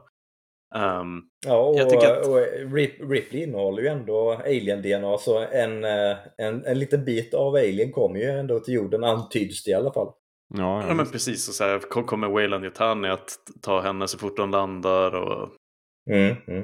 Eh, m- Men det jag tycker är att slutet, för- det gjorde de ändå ganska, serien gjort bra överlag, att det slutar liksom med cryo sleep och lite så här uh, "Huh, andas ut nu och det är över, nu får vi se vad som händer. Och det är ju också en sån här Mm. trop som återanvänds av allting från Halo till um, men, men jag tycker att om det är någonting slutet på Alien 4 gör det, det är typ att jag blir sugen på att kolla på The Thing från 82. För att den, den, den gör det slutet mycket, mycket, mycket, mycket bättre. Jo, ja. Att det, bara, det är liksom en skräckfilm som slutar med att de bara sitter där så här, är över? frågetecken. Och så kommer eftertexterna. Mm. Ehm, Just det, mycket bra film. mycket, Oh mycket bra film. Men så, på det sättet så blir jag alltid lite så här, de få gångerna som jag har sett Alien 4 till slutscenen och eftertexten man rullar så är jag så besviken på slutet på det sättet. Men det är också för att man är så paff över när de blåser ut. Mm. Tydligen så skulle de, eller de hade planer på att göra en Alien 5 då också med ett annat manus av Josh Mm. Whedon. som skulle utspela sig på jorden. Men sen, ja, beroende kanske på hur dåligt den här presterade. Fast så jävla dåligt presterade den ändå inte, men, men inte som de hade tänkt. Nej, den, den sågades väl av kritiker förvisso, men eh, kommersiellt gick den ju. Och gick oerhört bra i Frankrike också. För att de kan inte få nog av Jean-Pierre Janot. Nej. Men, ja, Såklart. lite som att Hobbit gick skitbra i Sverige för att Persbrandt var. Ja, precis. Han drog in många, många, många biljetter där. Det gjorde han. Sen var han inte med. Eh, nej, men sen gick väl studion vidare med den här uh, spin-off-serien då, där de försökte sammanfoga Alien-universumet med Predator-universumet. Mm. Och sen blev det ju prequels istället, som sagt. Innan vi går in på Prometheus, vad ty- tycker ni att det var rätt eller fel att fortsätta med prequels? Det är väl oundvikligt att man förr senare Mm. tar det greppet. Men hade ni hellre velat ha en Alien 5 än en prequel? Nej, jag skulle nog säga att jag, jag gärna skulle vilja få reda på de sakerna som antyds i eh, Alien 1 och Aliens Eh, det här med ingenjörerna och var kommer Xenomorphen ifrån? Och, eh, det, finns ju, det finns en hel del spännande mytologi. Veta lite mer om Wayland Yutani kanske. Eh, så att eh, jag hade nog, jag hade nog nu, nu tänkte jag inte på det ur det perspektivet då. Men jag, jag tror att, att jag hellre hade velat se prequels då än en femma som där de kanske inte skulle våga släppa Ripley och ta tillbaka henne ytterligare en gång av någon anledning och urvattna karaktären ännu mer. Mm. Så ja, jag skulle nog, jag hade nog föredragit eh, prequels faktiskt, tror jag. Mm. Jakob? Alltså, jag har ett komplicerat förhållande till prequels överlag. jag, tycker att det är liksom så här, man är ute på tunn is och det är lätt att gå fel och ramla i. Um, visst kan man göra prequels tänker jag på Alien-filmerna, men det är ju, det blir lätt så sökt. Liksom. Mm. Att, uh, nej, jag, jag älskar ju inte Prometheus. Alltså. Däremot jag är ju väldigt intresserad av vad den här liksom, Neil Blomkamp ja, District 9. 5 skulle mm. vara. Det var ju det som var tanken någonstans. För jag har förstått det som, ni får ju rätta mig om jag har fel, att den skulle vara mer såhär, ja det är Alien 5 fast vi struntar i 3 och 4 och så blir det en, mer en fortsättning på Alien 1 och 2. Ja, exakt. Det hade jag gillat. Mm. En så kallad uh, typ reboot-quell. Ja, precis. Just det. Ja, och då, då skulle ju Ripley, Sigourney Weaver vara tillbaka som Ripley. Eh, var, var det diskussion om i alla fall. Ja, just det. Ja, men det hade jag ju gillat ändå. Jag har ju förtroende för Neil och, och Sigourney Weaver som en gammal mm. badass Ripley. Det hade jag köpt. Om, om manuset hade varit bra. Liksom. Hellre det. Det är så svårt att svara på din fråga Gustav. Eftersom att jag vet vad Prometheus är för film. ja, eller hur. Men det är, det är svårt att tänka bort facit när det sitter mm. i handen på en. Ja, det är det um. verkligen. Mm. Jag, det var också kuriosa, men jag har ju läst att uh, uh, Sigourney Weaver var väldigt förtjust i idéerna som uh, Blomkamp hade för Alien 5. Hon var inte lika förtjust i de uh, manusutkast som hade producerats uh, för femman. Men mm. hon, hon, hon, tyckte att uh, Blomkamp hade väldigt bra, bra idé för filmen som hon gärna skulle se bli verklighet. Mm. Mm. Men, men så blev det inte. Nej. Det blev det inte. Jag, har, jag ska lägga kortet på bordet och säga att jag har inte sett Alien vs Predator och jag har inte sett Alien vs Predator Requiem. Så jag kan inte uttala mig om de filmerna. Jag har förstått att de är dåliga. Eh, nu chillar vi. ja, jag, jag, ser det som sidospår som vi kanske ska ta efter själva eh, franchise-diskussionen. Jag, jag kan gå med på det, jag måste bara få slänga in en mening och det är att Alien vs Predator är skitdum men en väldigt rolig film. Ja. Just det, en sån film. Ja. Mm. Uh, Alien vs Predator Requiem.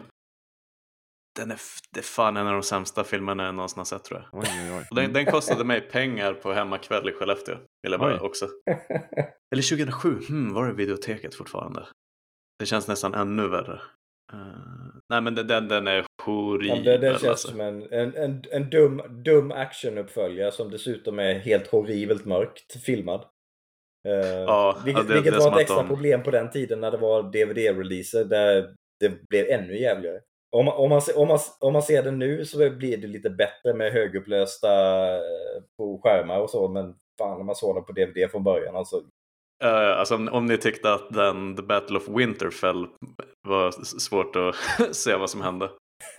uh, I sista säsongen av Game of Thrones är ju Re Requiem lite samma, samma typ av uh, kreation. Mm. och jag ska också säga om den filmen att det var typ någon som sa, ja ah, men vet ni hur när Spielberg gjorde Jurassic Park så kom de fram till att med lite smart användning av mörker och regn och grejer så kan vi få specialeffekterna att se bättre ut. Och så tänkte de, ja men fan, okej okay, vi gör den skitmörk. Eh, så att man bara ser liksom tre pixlar av monstret, då blir det bra. Så den kan du skippa Jakob.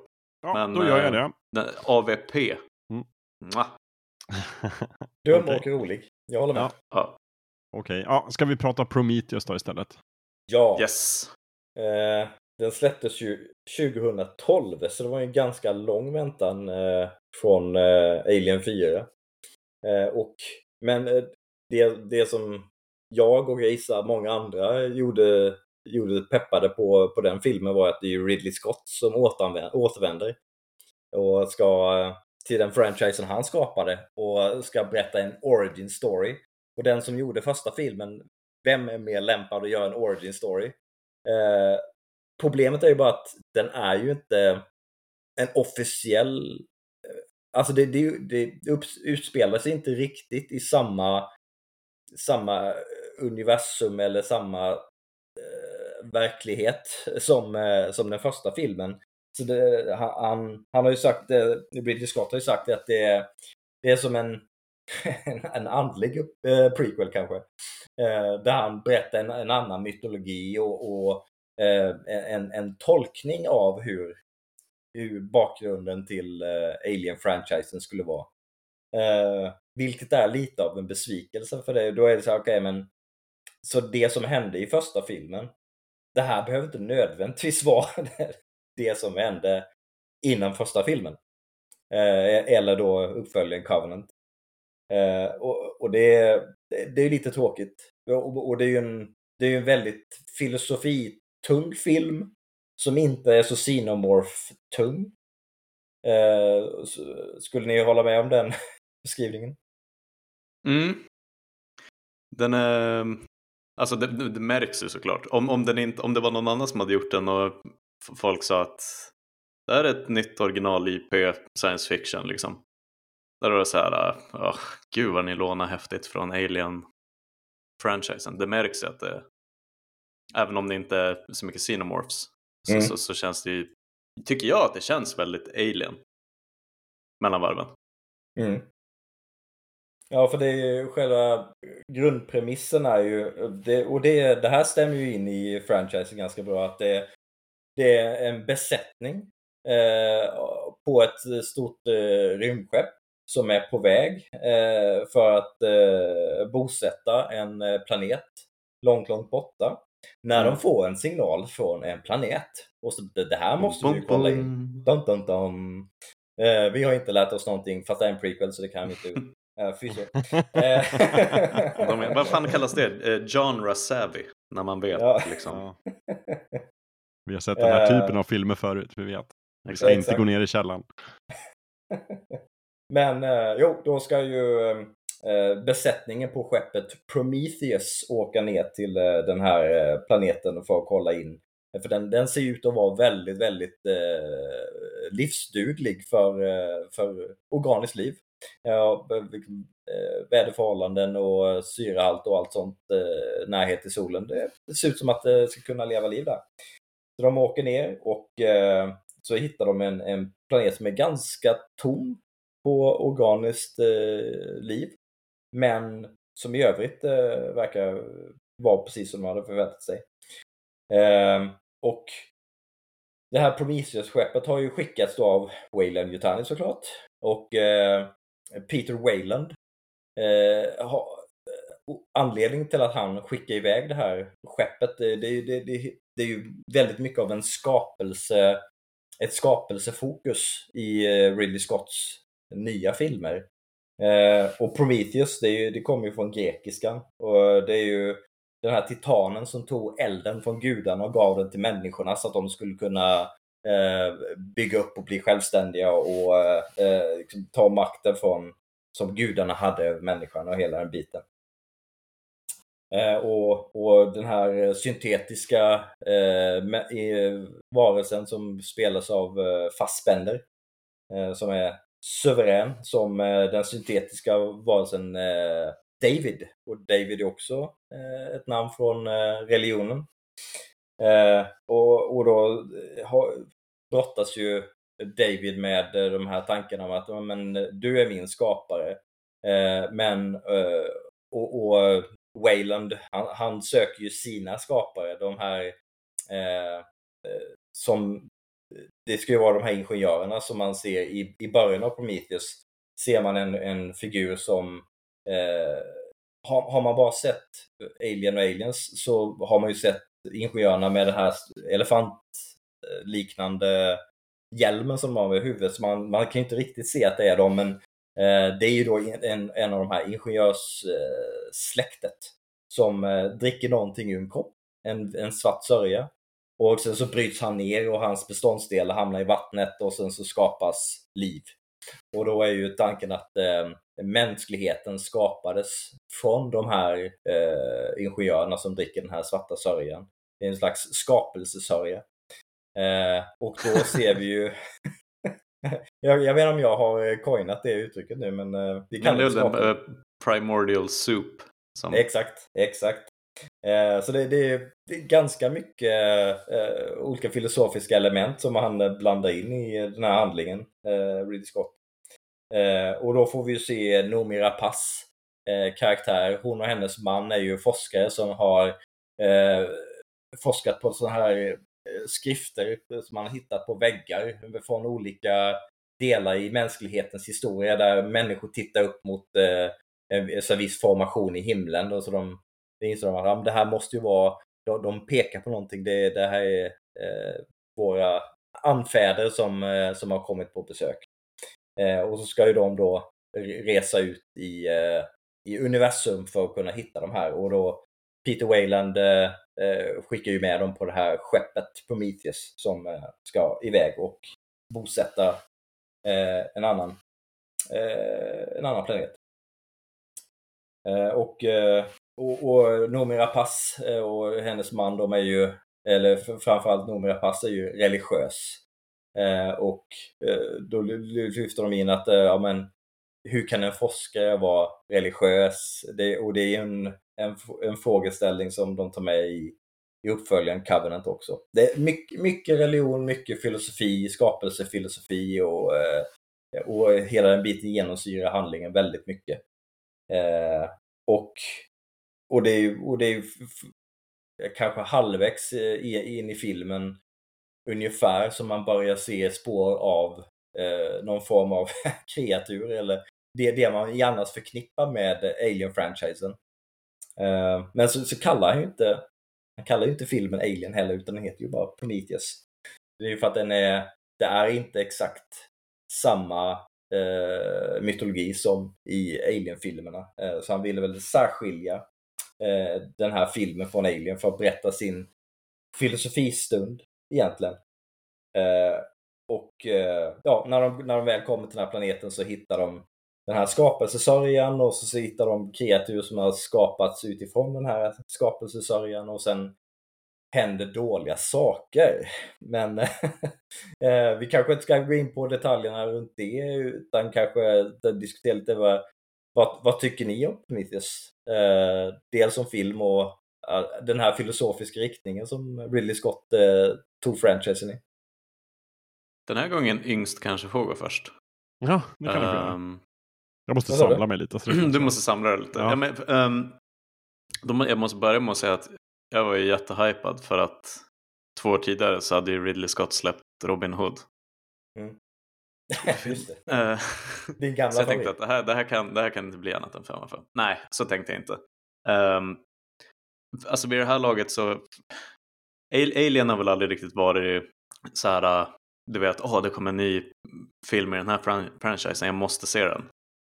Eh, så känner jag kanske mer ifall det kommer en ny Indiana Jones. Då kan jag förlåta att Kingdom of the Crystal Skull var horribel. Mm. Och jag vet jag måste se den. Um, så jag såg Prometheus på um, bara, jag såg den inte på bio utan jag såg den ett år efter att den släpptes 2013 och sånt där. Mm. Um, jo, det gjorde jag, för jag minns att det var en av de där filmerna, första filmerna som jag såg i min första lägenhet här i Stockholm när jag hade flyttat ner. Och då hade jag, vid det laget så hade jag förstått att Alien-fans inte tyckte om den. Jag hade sett det där klippet på Youtube när hon bara ska springa ifrån det här tornet som faller och hon, hon, mm. hon viker inte av åt något håll utan Charlie Theron bara springer rakt fram som en jävla idiot. Klassiskt. Klass, klassiskt. Och Youtube slaktade ju den scenen och sa det här är liksom eh, det, det här är talande för hela filmen. Mm. Eh, den, den fick ju mycket skit och som också är en sån klassisk skräcktrop att varför karaktärerna är så dumma. Um, och, det är väl en kritik som jag kanske kan gå med på. Som inte är lika tydlig typ Alien och Aliens. Um, men, men jag tycker samtidigt att det är mycket som är spännande med Prometheus. Jag tycker att öppningsscenen med den ingenjören tyckte jag var liksom väldigt lovande. Mm. Kändes ju inte som Alien, men, men jag tänkte att det här kan bli riktigt bra. Um, Det är en grymt snyggt producerad film, det får man ju säga. Väldigt snyggt producerad film. Uh, sen ty tycker jag att den tappar, den tappar ångan ganska snabbt. Och uh, är lite så, använder kanske inte alla skådespelare så väl som den kan ha gjort. Alltså Michael Fassbender är ju fantastisk som David. Mm, mm. Uh, den här androiden. Men jag var också sånt stort Idris Elba-fan för att jag precis hade kollat på The Wire och uh, kände väl att aha, han ska bara sitta liksom i skeppet och vara lite cyniken liksom i gänget. Mm. Um, Numra Pass tycker jag kanske ännu mer nu så här i efterhand gör en bra, eh, alltså en, en väldigt bra prestation som Elizabeth Shaw, huvudkaraktären. Och jag tycker verkligen att den här scenen där hon ja, utnyttjar den här Wayland eh, typ med, medstation grejen för mm. att göra en typ av akut kejsarsnitt. Den scenen tycker jag förtjänar en bättre film runt om sig. När de ska ta ut sinobläckfisken ur sin, uh, sin, sin mage. Precis. Mm. Uh, den är liksom så här uh, äcklig och spännande och på, på, på ett jättehärligt sätt. Mm. Um, men, men annars så tycker jag att den, det, typ, den safear på många sätt och har sådana typiska, den första scenen när de hittar de här mm, prototyp facehuggers mm. um, känns som att den, den hade kunnat göras i vilken annan film som helst. Det finns inget utmärkande över det. Hela strukturen på storyn är ganska bland på något sätt och den här jättelovande första scenen med ingenjören får någon typ av payoff när de stöter på ingenjörerna när Guy Pearce är med som Wayland och um, det tycker jag är spännande.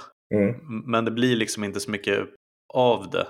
Och när filmen väl slutar igen, som den här franchisen är så duktig på med att ett par överlevande åker vidare, så känner jag mig bara så här, ja, det där var en film.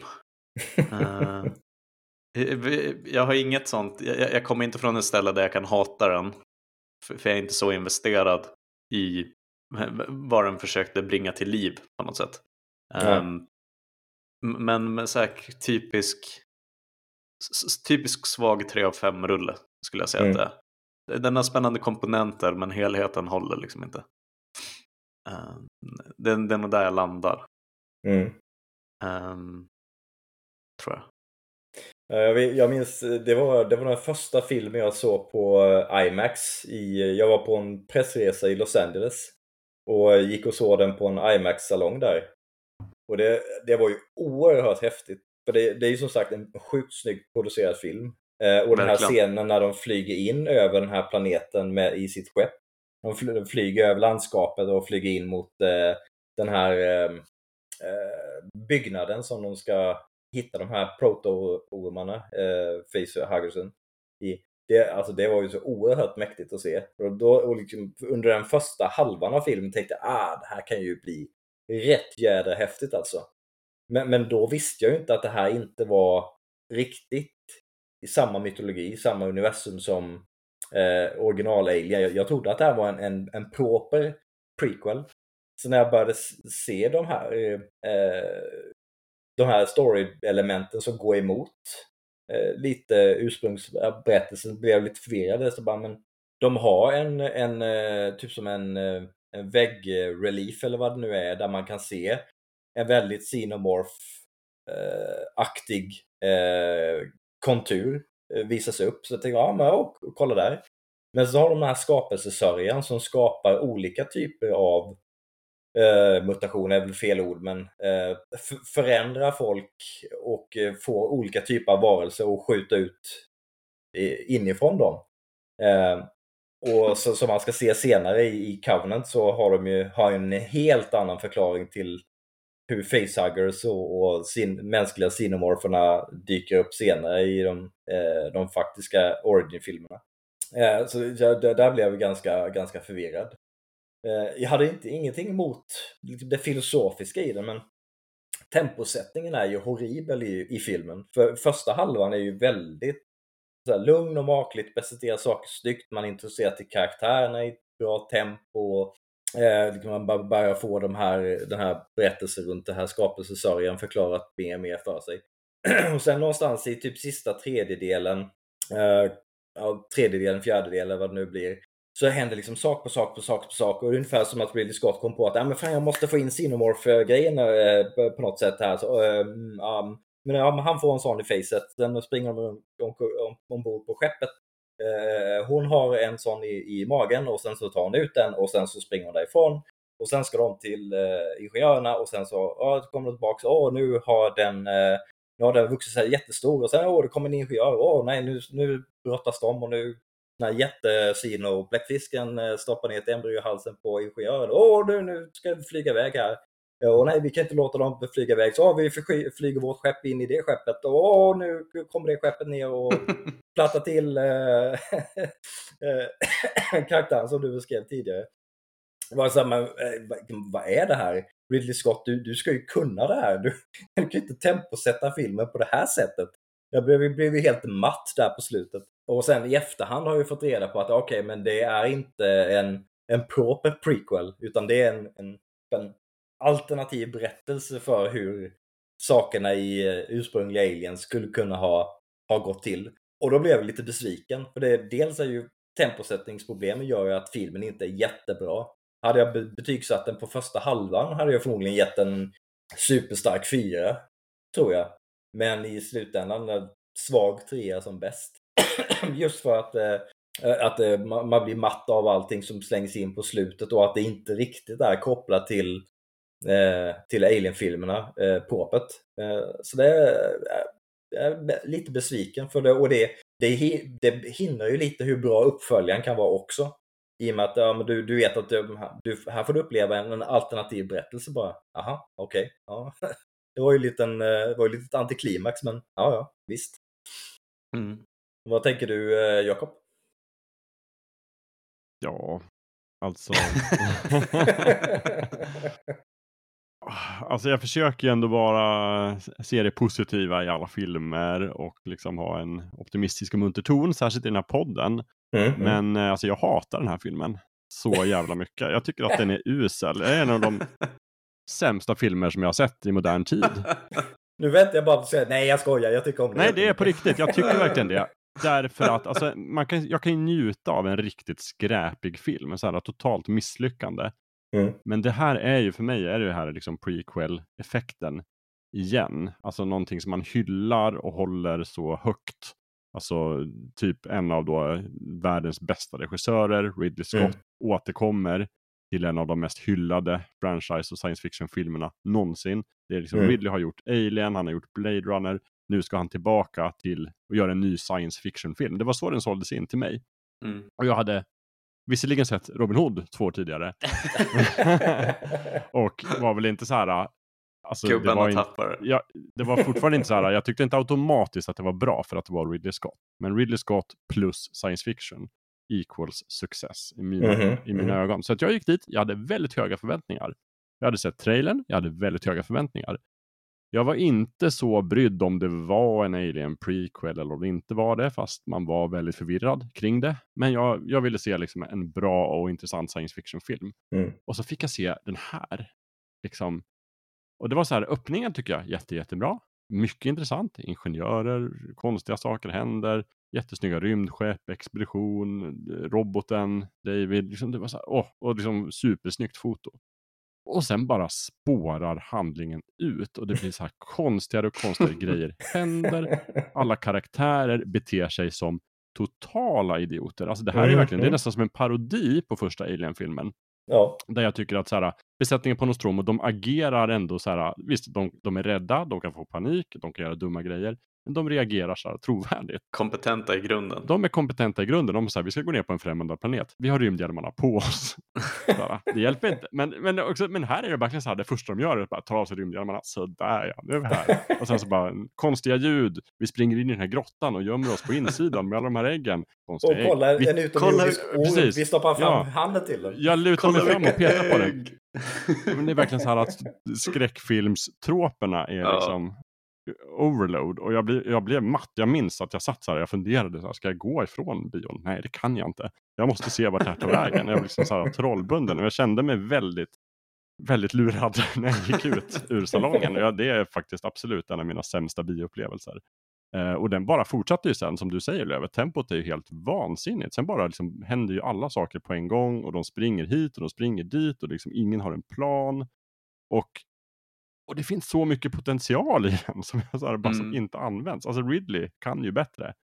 Oh ja. eh, och sen har de så här, Idris Elba är med, eh, Fassbender, Nomira Pass. Alla de här personerna förtjänar ju en bättre film. Och den här scenen med liksom akut kejsarsnitt, jättebra och intressant i sig själv. Ja, ah, jag hatar den jättemycket. Jag ger den ett, ett av fem. Ett av fem. Oj, oj, oj. Så är det. Och jag tycker också att så här, om man ska tänka på den i, i, som Alien-film, så, så här, alltså, om det är en Alien-film så är det alldeles för lite aliens i den. Fast det är andra aliens istället, som precis lika gärna hade kunnat vara aliens. Alltså det är andra ägg. Och det är andra varelser som kryper upp ur ägget. Och det är annat sätt att ta sig in i människor och växa. Och det är andra varelser som bryter sig ut. Men det är ju exakt samma sak. Det är så totalt onödigt. Bara använd sinomorferna istället. Om det nu är en alien-film. Och mm. om det inte är en alien-film så är det ju alldeles för mycket som alien. Så som sagt, samma saker händer, så bara bestäm dig Ridley. Och det tror jag också har skadat den liksom, på ett tidigt plan. Att de själva inte verkar kunna bestämma sig. Alltså, vad heter han? Eh, Damon Lindelof oh. var, mm. skrev ju mycket av manuset. Han verkar ju ha varit helt övertygad om att det här är en alien prequel. Eh, Medan Ridley verkar ha varit mycket mer intresserad av först att utforska den här engineern och liksom livets uppkomst och liksom ramla in på konstiga filosofiska spörsmål som inte mm. utforskas i grunden. Eh, och dessutom då eh, den här roboten som visserligen är helt fantastisk. Men ja, det är inget fokus liksom. Mm. Så jag vet inte vad han håller på med, Ridley Scott. Det känns lite som att han, eh, då han har ju insett att de här filosofiska funderingarna funkar inte ihop med den ursprungliga handlingen så vi Ja, vi, gör, vi gör det till en alternativ mytologi. så ja, så vi gör en, en, en, en cop-out i princip. Mm. Bara, ja, men det är en alternativ mytologi. Don't worry about it. För man, jag tycker ju i sig själv att så här, konceptet med liksom alien engineers som liksom i urtidernas begynnelse åker ner och skapar livet på jorden är jätteintressant mm. och den är utforskad mm, ja, typ tusen gånger i science fiction-böcker och så här. Mm. Men här blir det ju liksom ingenting av den. Det är bara så här, de vaknar och sen bara, åh, vad är det här för äckliga människor, döda. Okej. och sen ska de åka iväg och träffa ingenjörerna i slutet och så lägger de upp för någonting som ska komma i nästa film som sen aldrig kommer. Nej. Eller den kommer alltså bara så åtta sekunder, bara är roboten dödad allihopa? Bara, va? Ja, det är liksom Alien, Alien 3, ja. bara, ja men det som hände i förra filmen, skit i det. Skit i det. Nej men det är som att det är roboten David som är den riktiga alien. Det är han som är Cinemorphen. Det är han mm, som dödar ja. allihopa. Jag tycker bara, jag fattar inte varför den här filmen finns överhuvudtaget. Uh, men den är snygg. Ja. Där. Jag är så upprörd. Men kan vi stanna bara en stund på um, Damon Lindelof? Ja. Mm. Och bara, den, uh... för, för den, och det, det, här, det är ju skönt att storyn slutar lyckligt, men jag minns jättetydligt, alltså för det var så mycket snack online om Prometheus där 2012-2013. Um, och jag såg så mycket kritik på internet som var så här, åh, ja men det var ju Damon Lindelöf, det var ju den där jävla idioten som sabbade Lost. Mm. Mm. Så ja, det är klart att det är han som har skrivit manus liksom. Um, så Lindelof hamnade ju verkligen i skottlinjen. Sen så har ju han gjort skitbra grejer sen dess. Ja, oh ja. Uh, jag tror, typ, vi kan börja med uh, The Leftovers.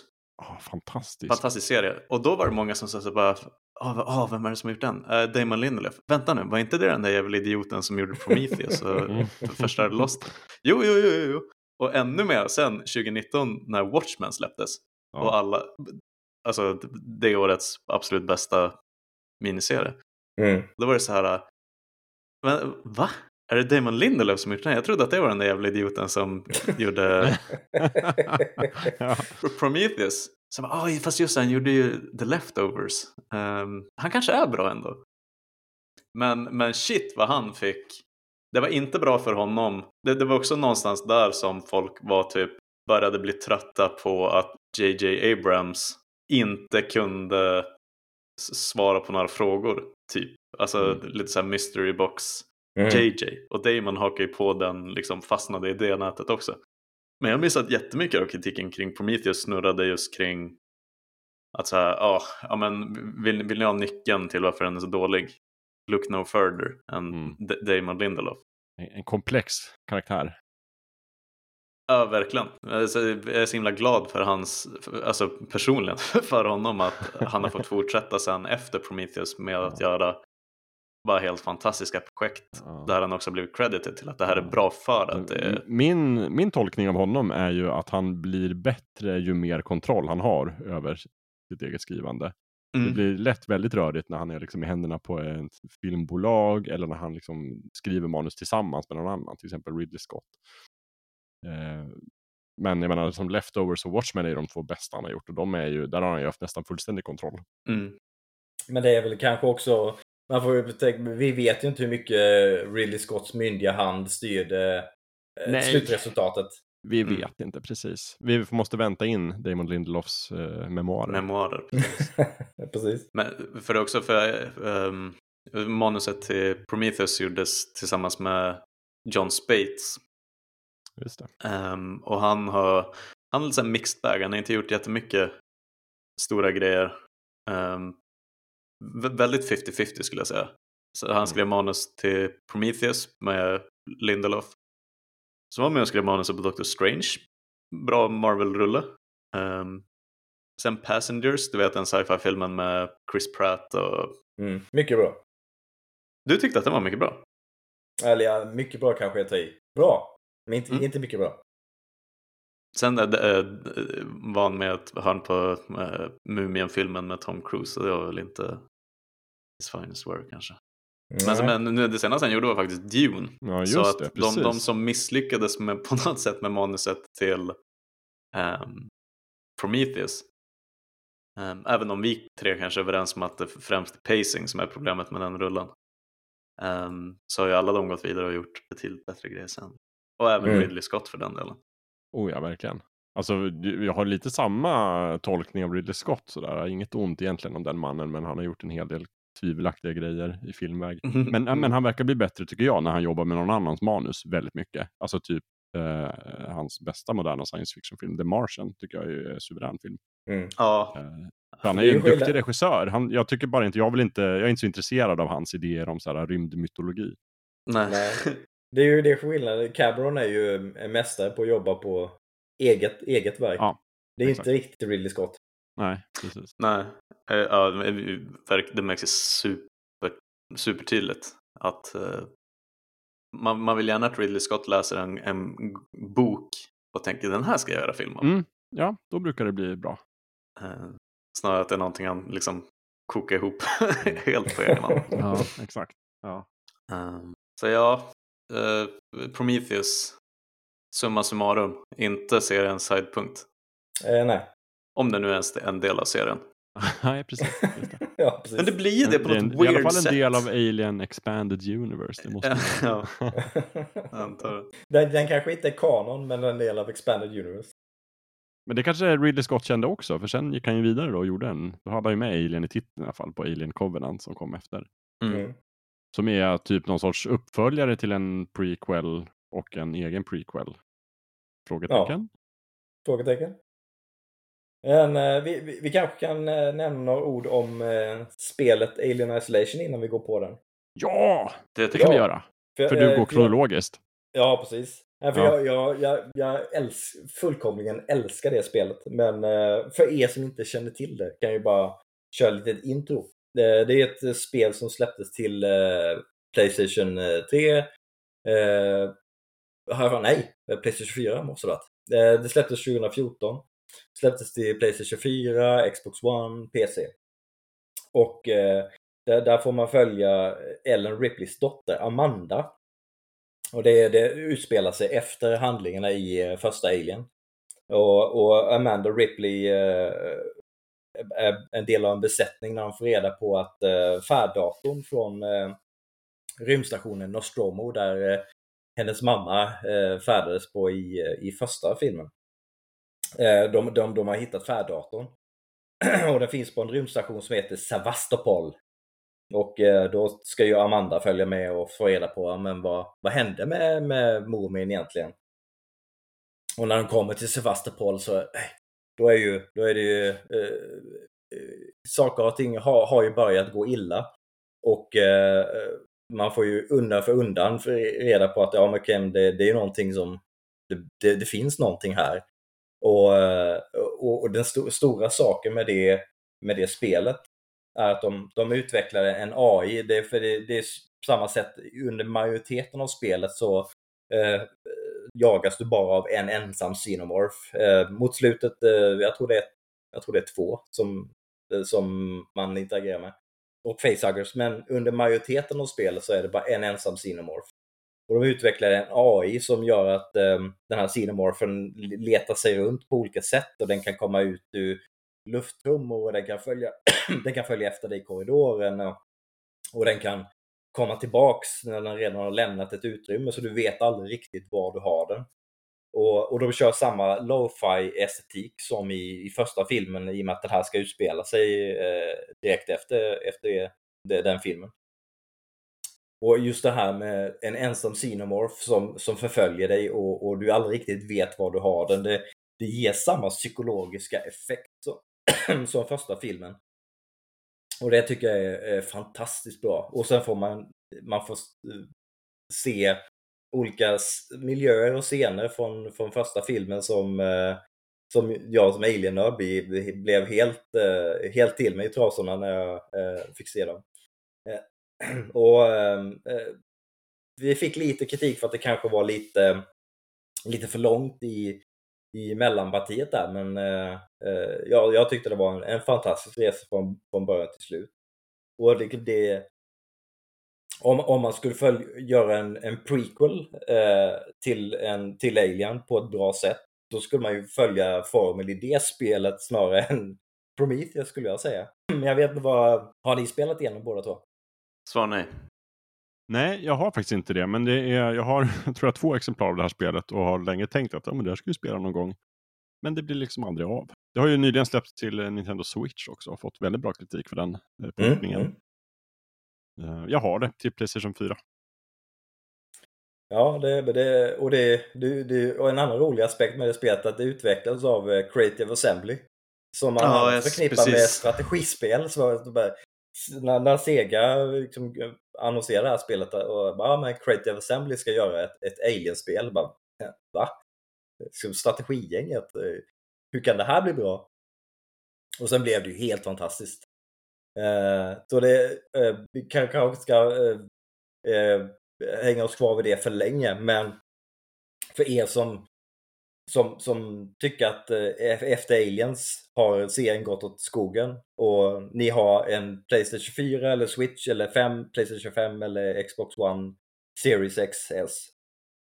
Spela Alien Isolation för det, det, är, det är mer av Alien 1-formen eh, som, vi, eh, som vi alla älskar. Mm. Så det, det kan jag inte rekommendera nog. Och typ också om ni inte har så här ett... Man, man tappar ju någonting när man inte spelar skräckspel av den här typen själv. Mm. Men um, om man inte har möjligheten att spela det så finns det bra Let's Plays av Alien Isolation att hitta på typ Youtube. Um, om, man, om man vill ha mera av liksom Alien-världen. Um, och också om man typ är av typen FZ, gamla FZ-Kalle som var lite harhjärtad när det kom till och så där kan jag lite känna med typ Resident Evil att det kan vara, det, det kan vara nog så spännande att kolla på någon annan som spelar de spelen. Mm. Um, så, så, det kan man göra. Men jag har levat i verkligen spännande, jag har tänkt på det nu. Jag sitter och spelar skiten ur deras uh, Creative Assemblies Total War Warhammer 3 nu som släpptes mm. förra veckan. Eh, så tänkte jag, ja det är rätt knäppt ändå att det var de som gjorde Alien Isolation för det står fortfarande ut liksom. Det var inte så att de gjorde det och så sen så dedikerar de ett helt team på Creative Assembly att fortsätta göra den typen av spel. Utan det var liksom 2014 gjorde de Alien Isolation, sen, sen dess har de bara gjort storslagna strategispel efter det liksom. Eh, så det är verkligen en, en one-off. Ja, och det för, blev ju framgångs framgångsrikt också. Så eh, någonstans eh, kan man ändå säga, tänka varför, varför får de inte chansen fortsätter en gång till? Men kanske för att, och det här vill jag ändå passa på att säga innan vi lämnar Alien Isolation, att så glödande kritik fick det ju inte när det släpptes. Eh, Det, var lite mer spridda betyg, även om det var liksom, eh, eh, det, det fick bra betyg. Konsensus var att det var ett bra spel. Mm. Men shit vad det har växt i folks ögon sen 2014.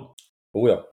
Ehm, och när många sammanfattade liksom um, årtiondet så seglade upp, jag tror Alien Isolation var med på eh, FZs lista över de bästa spelen för årtiondet. Ja, ja det är helt klart ett av de- ett av de bästa skräckspelen som finns i, i spelvärlden. Ja, exakt, Nej, men så, det, så det är verkligen recenserade väl när det kom men det har ju växt till att bli nå- någonting mycket större sen dess liksom. Eh, tycker jag. Nu, nu, nu pratar ju folk verkligen om det som ett av de bästa skräckspelen i modern tid. Mm, men, men en del av det har ju kommit på senare tid liksom. Det släpptes Ja. ju för fasen till ehm, Xbox 360 till och med. Gjorde det? Ja, det gjorde det kanske. Eh, Knäppt. Ja, det var väl där i övergången förvisso 2014. Ja, ja precis. Mm. Så, det, så det är fint, det är liksom ett spel som, det, det vittnar ju också om att det är ett bra spel att du kan spela det på ett Xbox 360 och nu kan du också spela på ett Nintendo Switch. Mm. Det är väl typ bara Minecraft som lyckas med den. Eh, och det- jag ska också säga att det finns på tele, telefon. Ja, man kan också spela det i VR. och då ska man definitivt inte vara för FZ-Kalle Harig om, om man ska ge sig på det. Precis. Före detta FZ-Kalle ska vi säga innan han lyssnar på det här och tänker det där Ja, är ja. falsk marknadsföring. Eh, Men ja. Game, game, gamers utvecklare Kalle, får vi kalla honom nu för tiden. Mm, mm, mm. Eh, ibland medverkande i Fyllkultur-Kalle. Kalle. Ja. F- eh, Fyrkulturvännen Kalle kan vi kalla honom. Det kan vi göra. Vill du säga någonting mer om Isolation, Jakob? Nej, jag har eh, ingenting att säga om det faktiskt. Så det verkar otäckt. Det är väl mest det som håller mig ifrån det. Liksom. Jag är lite hal i också när jag spelar. Men eh, ja, en Let's Play kanske är alternativet. Tro, troget ettan, ska vi lämna dem med det uh, lövet? Ja, Ja. ja. Ettan i spelform kan vi kalla det. Ja men typ, det, det är en bra. Ja. Men ja, då tar vi oss an den sista delen, so far i alla fall.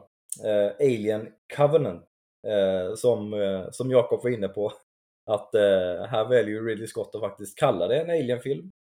Och eh, det känns lite som en eh, film i identitetskris. Men eh, det kan vi komma in på lite senare. Men eh, då är det ju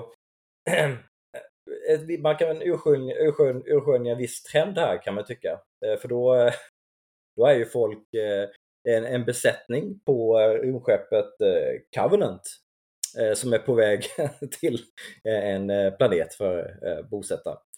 Eh, Och eh, då har de ju, eh, ännu en gång med sig en syntetisk eh, människa, sp- eller person spelad av eh, Fassbender igen. Men det är inte samma syntetiska människa. Eh, Det, de, de tyckte tydligen att eh, Fassbender-modellen var så pass eh, snygg och välgjord så de eh, fortsatte jobba med den. Men han är ju då en, eh, en senare eh, modell om, av, eh, av David. Eh, Men eh, Covenant, eh, det är ju återigen eh, ett eh, religiöst eh, hämtat namn. Det är ju, Covenant är ju det engelska ordet för så här, förbindelsen med Gud som en, eh, som en, en, en person kan ha. Eh, Och eh, eh den här filmen gick under arbetstiteln Paradise Lost. Eh, vilket är John Milton, eh, ett, ett poesiepos av eh, John Milton.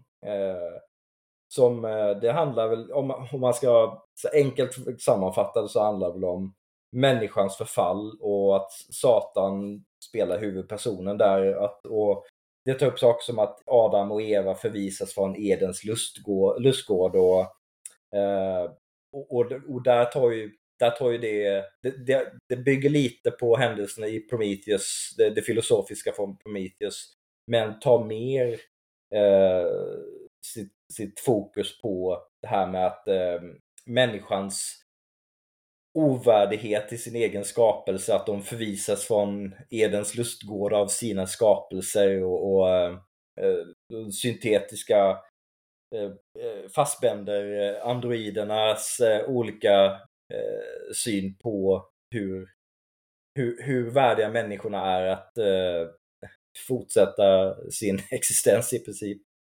Eh, för eh, här, här har ju David, efter handlingen i Prometheus har ju David och eh, Noomi Rapaces karaktär flugit iväg och landat på den här andra planeten.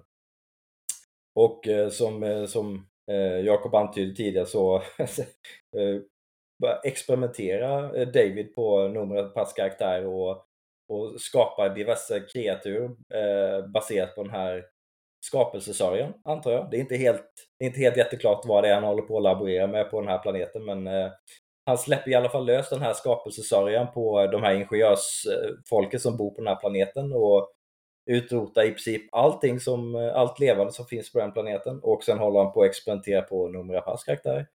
Um, och, eh, och då skickar han, eh, ser han till att skicka ut en signal så eh, besättningen på Covenant ser att ja men kolla, här finns, det kommer en signal från den här planeten. Oh, den ser det är jättelämplig för liv. Låt oss åka ner och titta på det här. Om det låter bekant. Och eh, en annan sak som, som är gemensamt med Prometheus är att eh, det finns en besättningsmedlem som är väldigt troende och han, han har inte fått kaptensrollen för ja, eh, Wayland Yutani vågar inte riktigt göra en, en djupt troende person till, eh, till kapten. Så det är liksom misstro mot eh, väldigt religiösa människor och ja, hela den filosofiska tankegången när jag går igenom de här två filmerna. Eh, och eh, när de väl kommer ner till den här planeten så stöter de till slut på de här, lite den här skapelsesörjan har ju tagit sig i olika form eh, och de stöter på den eh, när de är ute på en expedition. Och så får någon, två av dem idé i sig och så blir de sjuka och så ska de tillbaks till skeppet eh, medan Eh, de andra i besättningsexpeditionen eh, håller på att utforska det här kraschade skeppet som eh, David och Rapaces karaktär hade kraschat i. Och då dyker det upp en, en fyrbent eh, Xenomorph-aktig sak ur eh, de här två människorna och, och så är hela bollen i rullning. Men eh, under filmens gång så får man reda på att David har under hans många år på den här planeten så har han suttit och experimenterat med skapelse i princip. Han har försökt eh, ta fram den perfekta organismen och man kan ju se olika olika typer av varelser han har tagit fram på, på väggen eh, i hans eh, eh, studierum eh, där, där, han har jobbat på det här. Och eh, till slut då senare i filmen så eh, får man reda på att han han har ju tagit fram de här kokongerna, äggen, där eh, eh facehuggers föds. Och så lurar han in en besättningsmedlem som får facehugga i ansiktet. Badam! Eh, helt beslagen Xenomorph. Eh, och så blir den sista, ja, vad blir det, fjärdedelen, om ens det, blir en traditionell Alien-film. I princip. En, en ensam alien som håller på och härjar och eh, är ombord på ett rymdskepp och sådär.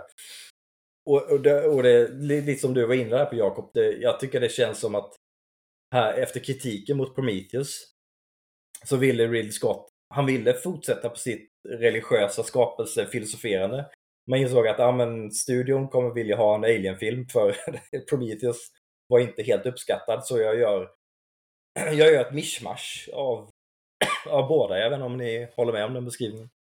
Det är svårt att inte dra den tolkningen i alla fall. Att han sa liksom okej okay då, men då, då ska det fan bli Alien den här gången. Mm. Men jag ska fortsätta. Men ja, det. Vem vet vad den mannen tänker innerst inne. På något sätt tycker jag att Alien Covenant får liksom den, den gör inte Prometheus sämre, men den gör den lite onödig. Ja, verkligen. Att säga, ja, men målet nu var att kicka igång någon typ av prequel story till, till Alien-franchisen. Mm. Så, så, så, blir Prometheus lite, inte ogjord, men den, den blir lite överflödig med Covenant. Um, så det är mer som försök nummer 2 på något underligt sätt. Um, sen minns jag att när den släpptes så var det lite så liksom så här, fråget, frågetecknet innan var ju kommer det här att kännas som Alien mm. på riktigt? Och det känns som att nu, nu ett par år senare så folk landat i att nej det gör det väl kanske inte som vi hade hoppats. Men då tyckte jag att det var lite mera 50-50 att folk tyckte att ja men det här är en det här är typ en solid Alien-film. Ehm, medan andra hälften tyckte att nej det här är typ en knasig uppföljare, det är för mycket Prometheus och det, det känns lite så shoehorned, mm. Alien-biten. Mm. Kan tänka mig att det är där, att det är det lägret du landar, Jakob. Ja, det är korrekt. Um, men sen, alltså Fassbender, bra igen, men nu är det liksom två filmer där han har varit lysande som android i ett alien-ish projekt. Men det, det, har inte varit tillräckligt för att rädda, rädda filmerna. Nej. Um, så, så, det är ju samma sak, han, han förtjänar också bättre alien-filmer. Ja. Um, det är lite kul för att eftersom att han är gift och har barn med Alicia Vikander och att båda de har liksom spelat androider på ett helt klockrent sätt. Men ja. Alicia hade turen att få göra det i ett liksom originalmanus i en riktigt bra film, eh, Ex Machina. Medan Fassbender har fått skådespela en robot lika bra men han råkar vara tvungen att göra det i de här två filmerna istället. Um, jag minns att en av mina kompisar sa liksom att ah, om ni tycker om Alien, se, se Covenant liksom. Nu är, de, nu är de back on track. Um, men jag tror inte att han kanske tycker likadant idag. Jag tror han sa det där liksom samma kväll som han såg en bio. Uh, och det får han väl vara, vara förlåten för. Men, men jag, jag, tyckte också att eh, jag hade samma, lite, lite samma reaktion som med, med Prometheus, att i, i början är den rätt lovande.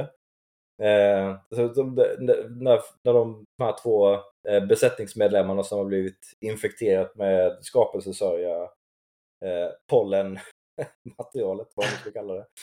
Eh, när när, när de, den kommer tillbaks och är i, i eh, sjukrummet där och, det, och den här fyrbenta sinomorfen bryter sig ut och den, den ena besättningsmedlemmen stänger, stänger dörren för att det ska isoleras. Och hon, eh, kaptenens fru, är instängd ensam med den här sinomorfen där. Ja, det tyckte jag faktiskt var genuint lite så här old school alien läskigt. Då tänkte jag, fan det här, han kanske lyckas. Det, det här kanske är filmen som räddar Prometheus. Eh, och sen, sen, blir det ju inte riktigt så. Men, men det, jag tyckte att det var en, en väldigt stark inledning som spolierades lite, lite väl snabbt sen efter det jag. Mm.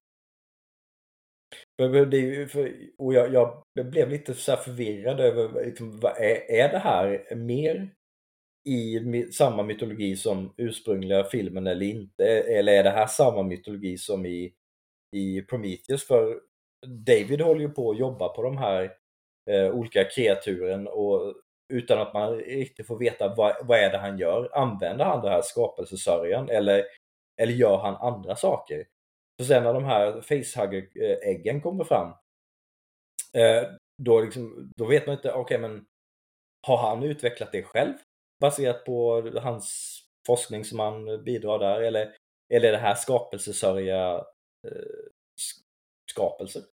Och, och då i, i och med att man kunde se den här eh, väggreliefen med eh, den här eh, som, som liknar de ursprungliga sinomorfen i Prometheus. Eh, hur, hur kunde de ha den där om det är någonting som, som David håller på att utveckla på den här planeten som may or may not eh, vara skapelsesörja baserat? Jag tycker det är jätterörigt. Och, och jag, jag fick lite känslan av att han, han, var tvungen att stoppa in det där så att man skulle kunna få facehuggersen. Man skulle kunna få original eh, Xenomorphen in i filmen så att de skulle kunna använda det i marknadsföringen av filmen. Så att eh, Fox eh, pengapåsarna bara, ja men det här ser bra ut, det, det här kan vi eh, signa, eh, sign off på, det, det, kör på det här Ridley. Eh, men... Det ser tillräckligt mycket alien ut för marketing purposes. Precis. Men liksom i, i slutändan, det känns som en extremt splittrad film som inte riktigt vet vad den vill vara. Och, och som, som alien-fantast så vet man inte riktigt, ja men okej, ska jag tolka det här som en, en alien-film eller är det här en alternativ alien-film?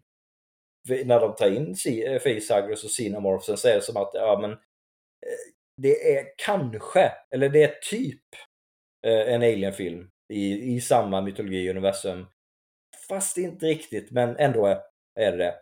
Ja, Okej, okay, hur ska du ha det egentligen Ridley?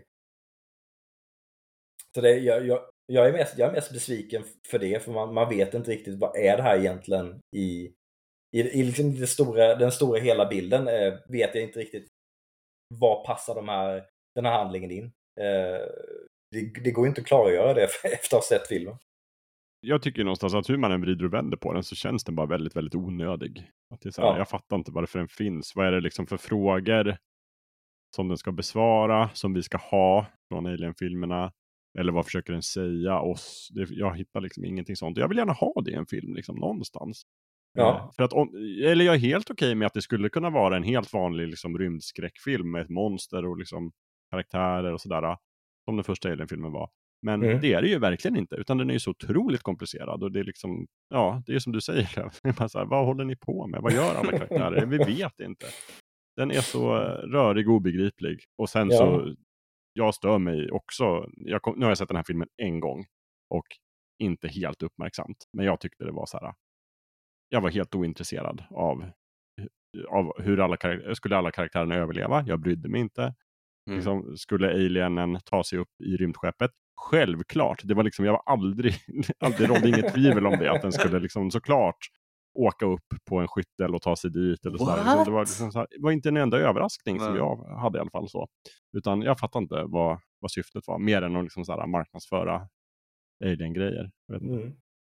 Och sen fick de in, eh, de skickade ut eh, Xenomorphen ur, eh, ur rymdskeppet genom ja. last, last, lastorienterade verktyg, fordon. Ja, i slutet. Så vad, vad annars? Vad annars? Ja. ja. nej men säga vad man vill om Alien 3 och Alien Resurrection, men de försökte ändå göra någonting nytt liksom på det och det mm. känner jag verkligen inte att Alien Covenant gör. Nej. nej. Men det hade varit en sak om, om han gick, löpte linan hela vägen ut och sa att nej men det är den här skapelsesörjan som gjorde de här äggen. I, i, den, i den här liksom alternativa berättelsen av hur Alien-universumet kom till. Så var ja. det den här skapelsesörjan som skapade dem och sen så gav de upphov till den här Xenomorphen som man ser i den ursprungliga filmen. Visst, det, det, är inte, det är inte den ursprungliga berättelsen men nu kör jag på det här för att nu vill jag berätta en, en modern berättelse och det, det hade jag varit fine med om det, om det var tydligt att det är så här det är tänkt. Ja, samtidigt kan jag ju känna mig väldigt så här, kri, vad heter det? Eh, kritisk till att man alltid till varje pris måste så här, avmystifiera och förklara precis allting som har hänt i tidigare filmer. Jag mm. var ju helt fine med att man aldrig skulle få reda på vilka den här piloten i första Alien-filmen var eller mm. var Xenomorphs kommer ifrån. För det antyds ju så himla bra där. Det finns ett mystiskt skepp med en mystisk pilot och liksom mystiska ägg och de pratar med varandra. Vad kan det här ha varit? Vi vet inte. Kanske någon sorts transportskepp. Han mm. fraktade mm. äggen, det måste vara något vapen. Det räcker fint så. Liksom. Jag behöver inte veta mer för att njuta av en, en alien-rulle jag behöver inte veta så här, och det var egentligen, det var en robot va, han hittade en sörja, och så gjorde det, och sen så lade han fram de här. Och sen så var det ett annat skepp som kom dit, och sen så gjorde de det, sen mixade de den sörjan med en annan, och så gjorde de det, och sen odlade de fram det under 11 år. Och, ja, som att det. det är någon jävla, någon som heter Lennart på varvet ja. som förklarar vad som egentligen hände för Nej men det är, liksom, det är som att jag har inte bett Ridley Scott om det här. Nej, men då, han lyssnar inte på vad jag säger såklart. Men det där, det där tycker jag händer så ofta och för mig är Prometheus och Alien Covenant um, jag håller verkligen med om det du säger Jakob, för det får mig att tänka på Mass Effect. Där mm. så här, man, man, får typ skylla sig själv och det gör man ofta. Det, det blir nästan en sån du vet typ om din partner var otrogen skulle du vilja veta eller inte. Um, att Mass Effect, man ångrar sig typ alltid. För Mass Effect var en sån serie där så här Åh oh shit vad spännande, jag vill veta var kommer Reapers ifrån och ah, fan vad coolt. Och så sen så får man veta. Och sen ja. ser man att okej, okay, när de eliminerar alla andra liksom, möjligheter och bestämt mm. sig för att det var det här som hände. Ja. Och det blir ju nästan aldrig liksom man, man blir nästan aldrig nöjd. Man ångrar sig alltid att man fick veta vad som hände. Ja. Och det blir ju lite, det är den fällan väldigt, väldigt många prequels går i hela tiden. Verkligen. Det är ju därför det är så svårt att göra en prequel. Alltså Star Wars prequelerna gör ju så. Eh, vad finns det mer för prequels? Hobbit-filmerna gör ju så. Det, är så här, Mm. det, eh, Men- det förminskar ju originalet på något sätt. Verkligen, och där tror jag att om det är någonting som jag, så här fine, jag hade sett Episod 4, 5 och 6. Mm. Alltså du vet, allt som allt säkert 60-70 gånger innan jag såg det, det mörka hotet. Så Mm. på så sätt så hade jag ju sett dem innan. Ehm, men jag kan samtidigt fatta att det, det ni har som jag inte har och kanske anledningen till att jag är mycket mindre kritisk mot Episod 1, 2 och 3 är att ni, ni såg typ A New Hope och hörde Alec Guinness säga att ah, det här var din pappas Mm. lightsaber under The Clone Wars och det var en mycket mer civilized, civilized age alltihopa. Mm. Och ni tänkte fan vad drömde er bort hur det Ja. såg ut och allt sånt där. Mm. Ehm, och så kommer tokfan George Lucas och ska visa vad, hur, det gick till. Mm. Och så är det liksom Naboo och Jar Jar Mm. Binks. Eh, och så blir det bara skit av det. För då har den gått runt och tänkt så här, gud jag undrar hur Clone Wars såg ut. Mm. ja, men absolut. Ehm, Verkligen. och, och så, så, så på så sätt är väl det mitt Mass Effect och det jag kan se spåren av i Prometheus och Alien Covenant. Att det är så här, nej, alltså den, den typen av förklaring behöver man inte utan det är bättre Nej. att låta fantasin flöda fritt liksom. Ja. Mm. Ehm, Jo, jag, jag kan absolut hålla med. Men det, den mystiken är, är, är väldigt, kan vara väldigt mycket värd eh, när det handlar om så här, så här klassiska verk. Men samtidigt, och gör man det bra så kan det också vara intressant. Det ursprungliga verket blir inte sämre för att man får reda Nej, på nej. hur det gick till. Så om det, om det görs en bra prequel eh, så kan ju det faktiskt tillföra någonting. Så tyvärr har vi inte haft jättemånga bra exempel på bra prequels. Men det, är också en, eh, det blir också en läxa för alla lyssnare. Nu har ni två läxor. Skicka in också exempel på en bra prequel-film. Mm. Mm. och så, så, Eller verkligen spela det. bonuspoäng om det är en prequel som ska förklara ett mysterium. Mm. Och lyckas med det. Jag tror det är därför vi tycker om öppningsscenen i Prometheus-levet. För att då vet man fortfarande inte vad fan som ska hända liksom. Nej, precis. D- Där är det bara ännu mer mystiskt. Mm. Det lever ju Um. fortfarande hoppet. Nej, Men med, med Covenant har man ju hunnit bli lite mer skeptisk även om inledningen verkar bra så efter Prometheus tänkte jag ändå bara men ja, ja, jag ska vänta en stund innan jag får upp mina förhoppningar allt för mycket. Men med Prometheus var det verkligen så bara ah, det här kan ju bli skitbra och sen bara nej, Ja, Mm. det kunde jag inte. nej. Jag hade ju inga förväntningar på Alien Covenant när jag såg den. Nej. Det ska jag säga. Jag var med berått mod förväntade mig att den skulle vara ganska dålig. Ska jag Mm. säga en, en sak om, en trivia-grej om, om Alien Covenant? Mm, mm. Jag berättade ju i del 1, förra avsnittet här, om, eh, om hur datorn, Mother, i Alien-filmen, rösten gjordes av Helen Horton, Mm. som ju också var mormor till eh, Sigourney. Lily James. Lily yes. James, just det, Jajamän. tack. Ja, eh, i Alien Covenant så är det hennes kompis Lorelai King som är rösten till skeppsdatorn på Covenant som också heter Mother. Mm. Mm. De är bekanta. Lorelai King, hon är också röstskådespelare. Och hon har också spelat dator i Mass Effect Andromeda. Och i Metroid Prime Pinball. Just det. Jajamän. Eller där är hon ju egentligen då, hon är ju egentligen eh, rösten till Samus Arans Power Suit. Men det är ju någon slags dator tänker jag. Ja, jo, precis. Ja, Exakt. Ja, så var det med det. Det var min trivia. nice. Inte tack för att du påminner mig om Mass Effect Andromeda by the way. Ah, Okej, förlåt. det är min eh, Prometheus. Det är din Prometheus. Ja. Jag har fortfarande inte spelat det. Eh, jag gör det inte heller. Också onödig uppföljare, exempel på. Ja, och det är väl är det där vi landar med Alien Covenant. Ja. Att Att den är onödig. Det är inte en skitfilm, men det är inte en nödvändig. Och, och ganska dålig.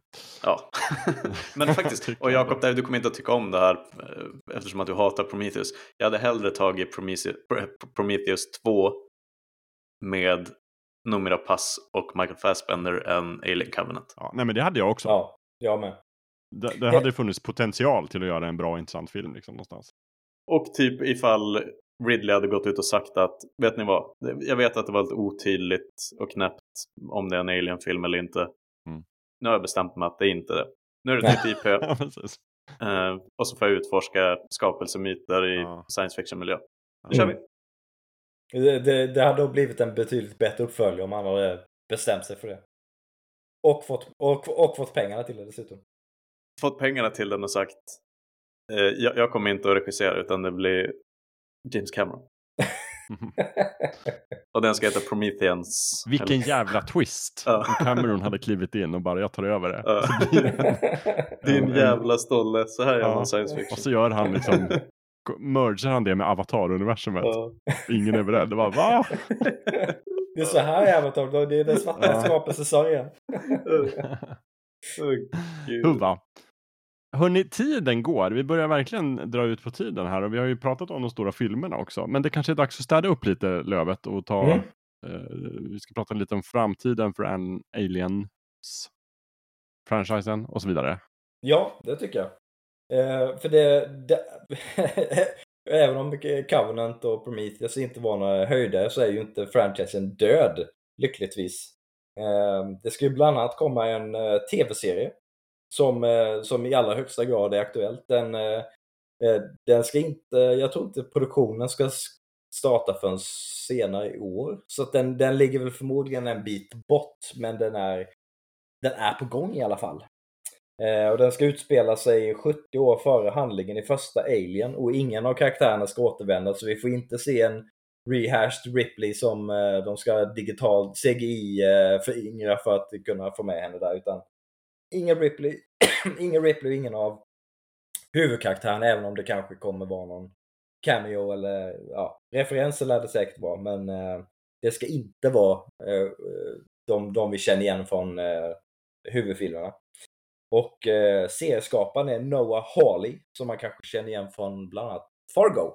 Mm. Den här serien som mycket, mycket bra serien. Så eh, det, det får mig att eh, ha lite tilltro till att eh, det inte kommer bli så här quasi-alien, quasi-filosofiska eh, eh, nonsensresor med tvivelaktig temposättning utan att det kommer bli en kanske lite mer psykologisk, lite lugnare eh, fokus på både Xenomorphs och hotet mot eh, de här mänskliga karaktärerna man kommer få följa.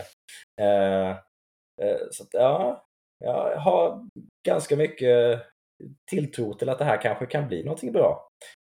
Det känns som att serie om, om någonting, om en, en gammal franchise som har eh, liksom, tacklat av ska lyckas någonstans tror jag nog nästan att det är i serie, tv-serievärlden det ska, det ska göra det. Jag vet inte vad ni, vad ni tror. Um, alltså, jo, du är väldigt inne och göra tv-serier nu istället för filmer och sådär. Så att jag är inte på något sätt förvånad att det kommer bli en Alien-tv-serie. Eh, först hade jag extremt låga förväntningar och lite skräck för att jag hörde att Ridley Scott skulle vara inblandad. Eh, och det är han väl också i någon sorts producentroll och sådär. Men han har ju producerat mycket, mycket bra material. Så Mm. det, det funkar väl. Och sen blev jag väldigt positiv faktiskt när jag hörde att, eh, att Noah Hawley skulle göra det. För att just Fargo är verkligen, för mig är det så här, om man ska ta en film och göra en tv-serie på det, då är Fargo ett lysande exempel. Han har ju den här, han kan balansera på den här, liksom, att, in- att fortfarande vara trogen något slags original i liksom ton och, och sådär, men ändå bygga någonting väldigt eget som han gjorde i Fargo. Mm. Eh, Så att, ja, sen vet jag inte hur duktig han är på att göra sci-fi skräck eller vad alls vad det kommer bli för slags serie eller liksom om det kommer bli bra eller inte. Men jag, jag är förväntansfull, jag kommer att titta på den såklart. Jag hoppas någonstans att han, eh, han, han tar hjälp av de här som, som, som har gedigen erfarenhet av just eh, Alien Xenomorph-skräcken och kombinera det med sina styrkor som du beskrev. Eh, det här med karaktärsbyggande och jättebra dialog och jättebra regi och ja, allting som Fargo erbjuder. Eh, jag hoppas att han lyckas kombinera de två. Det, det skulle kunna bli fantastiskt bra. Jag tror också, alltså eh, tv som format är ju sånt jäkla flow nu. Um, och det, det görs bra sci-fi och det görs bra skräck. Um, och jag, jag tror också att liksom så här. Okej, okay, Aliens kanske mer så eftersom att det är en mer renodlad actionfilm. Men, men speciellt ettan är ju inte den, den är ju inte briljant för att det är en påkostad, ett påkostat spektakel. utan den är väldigt intim. Eh, och, och det, det tror jag kan passa en tv-serie som, som jag gissar rent så här, själsligt kommer att likna första Alien-filmen mest. Uh, det, det, det, det, det, jag tror på det. det um, oh, jag försöker fånga en tanke som jag har här. Uh, men den är, den är slippery. jag, jag, tror att det kan bli... På ett sätt känns det så här. Typ, Alien för mig påminner om uh, Die Hard. Att det, liksom, mm. det, det, är en, det är en tydlig resa genom filmen och en tydlig premiss liksom. Mm. Um, och det är lite så här, kan man verkligen hacka upp det i typ 8-10 avsnitt och, och få det att bli spännande? Och liksom, men ändå avskalat. Mm. Um, och det, det, det, tror jag att man kan göra. Folk, uh, det, det, är så pass vassa pennor och kreatörer som jobbar i tv-branschen nu. Mm. Jag har liksom helt suddats ut med filmbranschen mer eller mindre.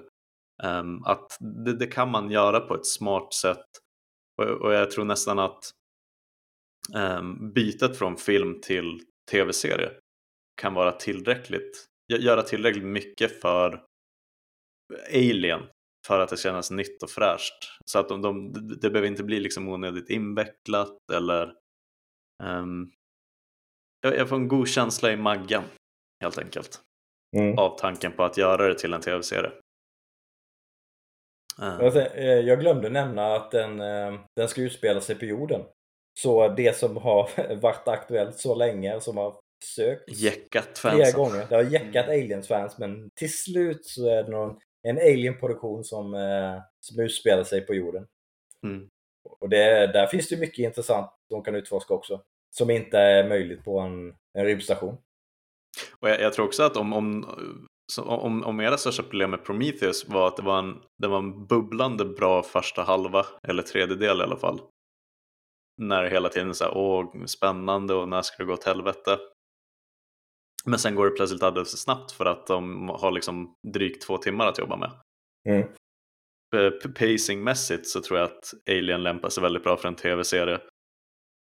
För att man kan sätta så tydliga liksom eh, man kan nästan vänta till det näst sista avsnittet med att eh, skruva upp tempot utan du kan mera ha den här liksom att åh, det är någonting och gud och liksom um, det, det tror jag kommer att funka funkar väldigt bra formatmässigt. Mm. Så jag, jag, jag är pepp. Ja, ja. Ja, men eh, som sagt, vi får ju förmodligen vänta ganska länge på det. Eh, om, det nu, om produktionen sätter igång i slutet av det här året. Eller kanske till och med blir i början på nästa år, eller för första halva nästa år. Då kommer vi kanske se det under 2023 som tidigast. Och det är väl så... lugnt. Om det är någonting ja, som har sabbat för aliens så är det väl att de har stressat fram slutresultatet. ta, för all del, ta er tid. Ja. Oh ja. ja, för nej, för vi, vi, eh, vi kan nog sluta hålla andan efter Neil Blomkamps eh, Alien 5 tror jag. Eh, jag misstänker att både han och andra inblandade har förmodligen gått vidare med annat vid det här laget så det kommer nog inte bli någonting av det. Misstänker jag i alla fall. Nej, alltså av alla projekt som han nästan fick göra. så, um, så, så vi kan nog boklägga Alien 5. Ja. Alltså, ja. Och det har jag inga med att göra heller. Det är inte någonting som jag tänker, fuck, fan vad synd att den inte gjordes där och då. Men mm. nu får det vara, känner jag. Mm. Men däremot, jag kan tipsa bara en koppling till den filmen om man liksom vill titta på något annan rymdserie. Så eh, en av de många personerna som skickade in manus för Alien 3, det var ju David Twohy. Och han, från hans manus så kommer ju konceptet med att det var på en fängelseplanet och lite sådana där grejer. Mm. Eh, en av grejerna han gjorde i sitt manus var att eh, Ripley var inte huvudkaraktären utan istället var det en annan, en av fångarna som liksom var väldigt där, driven och, och driftig och kämpade mot, mot en alien. Eh, det gillade inte Fox, så att det var därför de liksom inte använde det manuset så mycket. Men han gick vidare och regisserade en liten filmserie som heter The Chronicles of Riddick. Ja. Där eh, Pitch Black tror jag är första filmen. Och sen Chronicles of Riddick och sen Riddick. Och nu kommande då Riddick 4. Just det, det ska komma en fjärde. Där. Ja, precis. Som jag tycker det är så här uh, underhållande rymdactionfilmer. Mm. Mm. Alltså Pitch Black speciellt. Och där, där kan man ju verkligen se också eh, att han skrev ett manus till en Alien-film. Ja, men precis. Det är ju väldigt mycket. Han har ju sparat en del av idéerna och använder dem där kan man säga. Mm. Men ja, uh, oh, gud, bra. Det, det är ett tips som vi borde ha med i varje fullkulturavsnitt. Se Pitch Black. ja, faktiskt. Riktigt kingig science fiction-film. Men shit, jag visste inte om uh, att, att det var den, den kopplingen med, med David. Hur talar man hans efternamn? Jag har ingen aning. Tui. Tui. Tui. Säkert så. David Tui. Um, Tui står det på Wikipedia. Ja, det går ju på Tui. Du hade rätt. Ja, David Tui. Jag ska klippa in mig själv att jag säger rätt. Ingen tror att jag inte kan uttala. Mm. Nej, han har jag... också skrivit uh, han har varit med och skrivit uh, Waterworld. Så. Ja, mycket Waterworld-folk som har ja, spilt ut på Alien-franchisen. Ja, helt klart, helt klart. Nej men vad kul, det känns som att jag mycket föll på plats nu med Pitch Black när jag fattade att oh. Han hade plockat från ett... Just det. Nu ser du DNA, att det är ett gammalt nedlagt Alien-manus. Mm. Mm. Mycket som stämmer överens. Kul! Vi, vi, kan, vi kanske ska runda av med några tips på annat eh, skräck i rymden som, eh, som vi tycker att lyssnarna ska eh, sätta tänderna innan vi avrundar det här eh, tvådelade mastodontavsnittet om eh, Aliens-franchisen. Mm. Ja. Du får gärna ha, börja då, Lövet. Ja. Jag kan börja med en film som heter Life. Eh, som också utspelar sig på en rymdstation där de, eh, de får in en, eh, en, en levande en organism som, som börjar utvecklas och växa sig större och ta sig ut ur sin, sin lilla inhägnad där och, och börjar tar död på besättningen efter en på ganska brutalt och eh, eh lite obehagligt sätt. Eh, jag kommer ihåg att när, när jag såg det första gången tänkte jag att det här är ju lite åt Alien-hållet i, i klass. Den håller inte hela vägen och den, den är inte, inte riktigt lika den är inte lika läskig, den är inte lika väl temposatt och inte lika väl strukturerad. Men jag tycker ändå den, eh, den är sevärd och den, den har fått mer kritik än jag tycker att den förtjänar. Så vill man ha lite åt det hållet, åt Alien-hållet, då tycker jag att man ska kolla på uh, Life. Uh, och sen om man vill ha lite mer psykologisk skräck i rymden, uh, så tycker jag man ska titta på Event Horizon. Just det. jag tänkte berätta. Ja. jag, tror, jag tror alla som tänker skräck i rymden tänker på Event Horizon. Men om man mot förmodan inte skulle ha sett den, uh, för det, det, det, är ju det är inte så mycket, det är, det är inte inga liksom, utomjordingar eller den typen av uh, påtagliga hot utan det är mycket, mycket mer psykologiskt och, och det som de här besättningsmedlemmarna på Event Horizon uh, rymdskeppet utsätts för är ju både obehagligt och lite förvirrande och ja, väldigt sevärd av flera anledningar. Eh, inte en felfri film, men eh, definitivt eh, en film man borde ha sett om man gillar genren, tycker jag i alla fall. Men vi borde säga att det är inte bara psykologiskt, den blir jävligt grisig på slutet. Ja, det blir den. Det blir den. Den, den, den blir ju grafiskt grisig, men det är ju inte en, en, en alien-skräck, eh, tryckande skräck på det Nej, sättet. Verkligen inte. Får jag slänga in den? Ja, jag kan bara slänga in en sista, ett spel. Ja, ja, eh, de, många känner säkert till Dead Space. Eh, Eh, som också släpptes, eh, ja, när fasiken det har varit, 2000, länge sedan. Playstation 3 tror jag eh, den eran. Som 2008 kanske? Ja, 2008. Det kommer stå i länklistan. Ja, ja precis. Det är ju ett, ett, väldigt, väldigt bra skräckspel. Det släpptes ju Dead Space 1 och 2 som båda är bra skräckspel. Sen gick det åt skogen med trean, precis som med Hajen. Och Eh, Eh, och det, och det, det, det lyckas kombinera rymdaction alla lite så Resident Evil-stilen. Eh, men eh, inte lika actionbetonat som, eh, som Resident Evil blev eh, med, med fjärde delen. Och, och det är väldigt bra jump scares, eh, ganska krypande känsla, men samtidigt så bra spelmekanik när det gäller eh, de här eh, eh, eh, gruvarbetarvapnen som, som man får tillämpa för att eh, eh, skjuta av olika lemmar på Xenomorphsen för att kunna eh, besegra dem. Och det ska ju få en remake framgent. Eh, mm. Så om man nu inte vill damma av sin, sin gamla eh, Steam-kopia av, eh, eller det är väl EA, EAs eh, förhatliga klient förvisso. Eh, om man nu inte vill damma av eh, den, den gamla versionen så ska ju Dead Space få en remake framöver. Nu vet jag inte hur bra den remaken blir, men Dead Space är ett jättebra spel. Så det kan jag rekommendera att folk håller ögonen öppna efter i alla fall.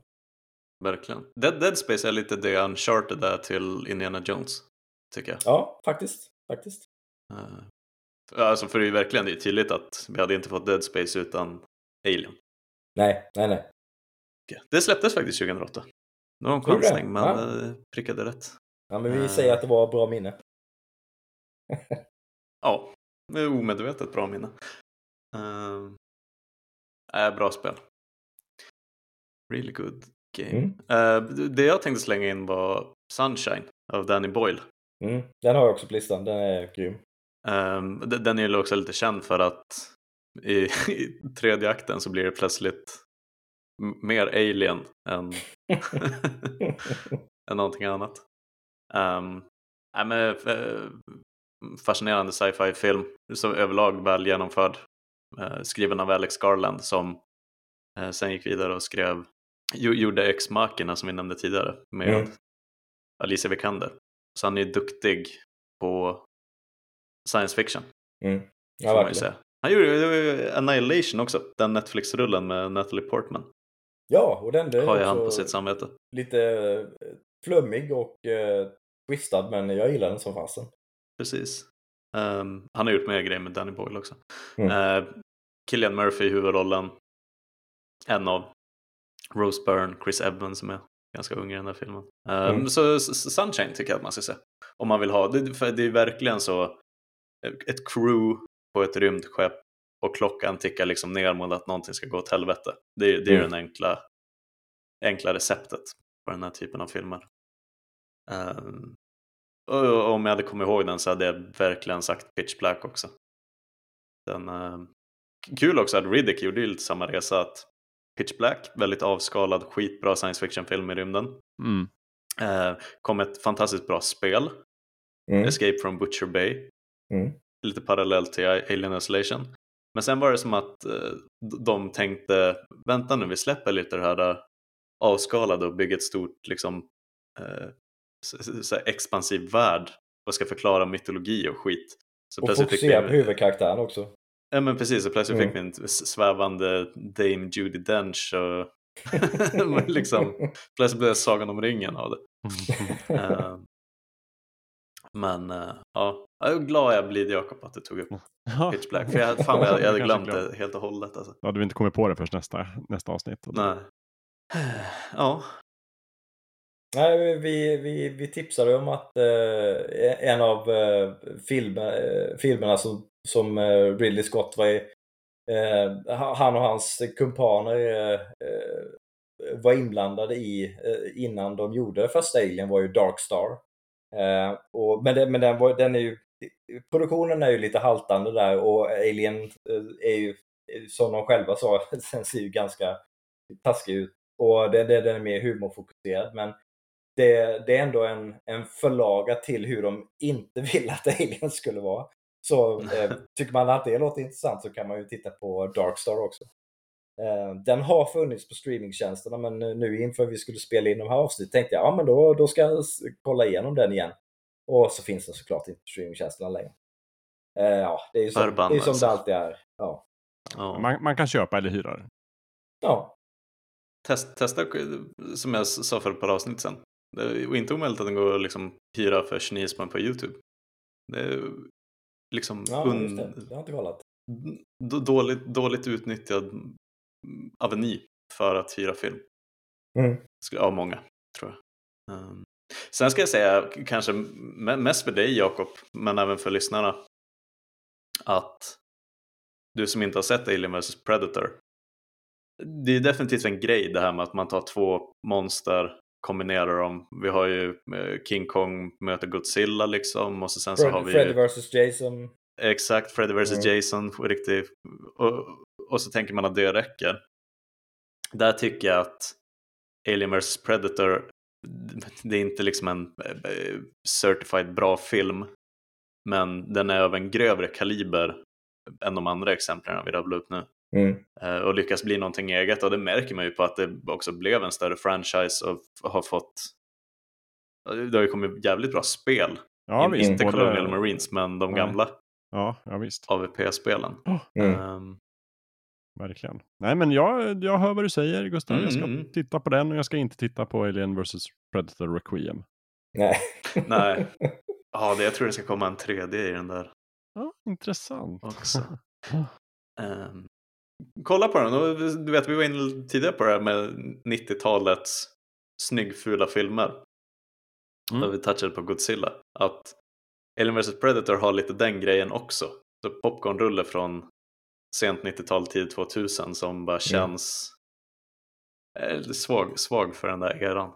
Ja, men det, den, är, den är väldigt lätt på dålig eh, 90-tals CGI som, eh, som det lätt kunde vara. Den är ju överlag väldigt snyggt producerad.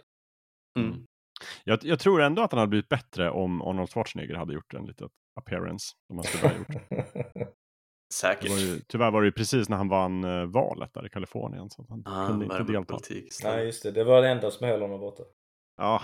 Men, eh, Men jag jag, måste... jag tror ändå att det var, de hade någon sorts eh, agreement om att han skulle vara med. Och så blev det inte. Ja, ja det, undrar vad det kunde bli. Men eh, jag måste också bara supersnabbt säga att de, den filmen typ lyckas, men också för att premissen är dum, Mm. lyckas på ett, på ett bättre sätt än Prometheus förklara lite backstoryn till varför i hela helsike har vi både predators och aliens i en gammal liksom aztekpyramid. Mm. Men de, de Ja. försöker ju inte förklara hur, hur aliens kom till. Nej, Men, men Predators tar aliens eh, till den här planeten och, och, och befruktar människorna med dem så att de ska ha någonting att ja- jaga. Alltså det, det är ganska enkelt men logiskt. Eh, logiskt Ja, men det är kul, alltså, precis. Det är liksom eh, det, det är dumt från början så då kommer de undan med det. Ja, och sen eh, som vi sa i förra avsnittet, Lance Henriksen som eh, eh, Wayland, det, det är också det, det är en, en härlig referens. Alltså larvig men härlig referens Mm. skulle jag ändå säga. Jag håller med. Och eh, skådespelarna gör ett bra jobb. Och, ja, mysig film. Jag gillar den. Nej, men den funkar på ett underligt väl Ja. sätt. Mm. Ja, men då ska jag ta tag i den. Det jag lovar. Japp, Det japp. blir min, det blir min läxa. Eh, jag kan kasta in en sista kvasitips. Eh, eh, filmen Underwater med eh, Kristen Stewart.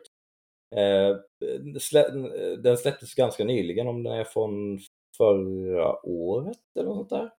Nej, två år sedan kanske till och med. I alla fall en, en film som, hör och häpna, utspelar sig under vattnet. Eh, de har en, eh, en sån här, borrningsstation eh, som ska de ska forska och ta fram ny kunskap på havets botten så, så djupt man bara kan komma. Eh, och Kristen Stewart spelar en av de här forskarna och sen börjar det dyka upp saker. Eh, och det, saker börjar gå väldigt dåligt på den här forskningsstationen.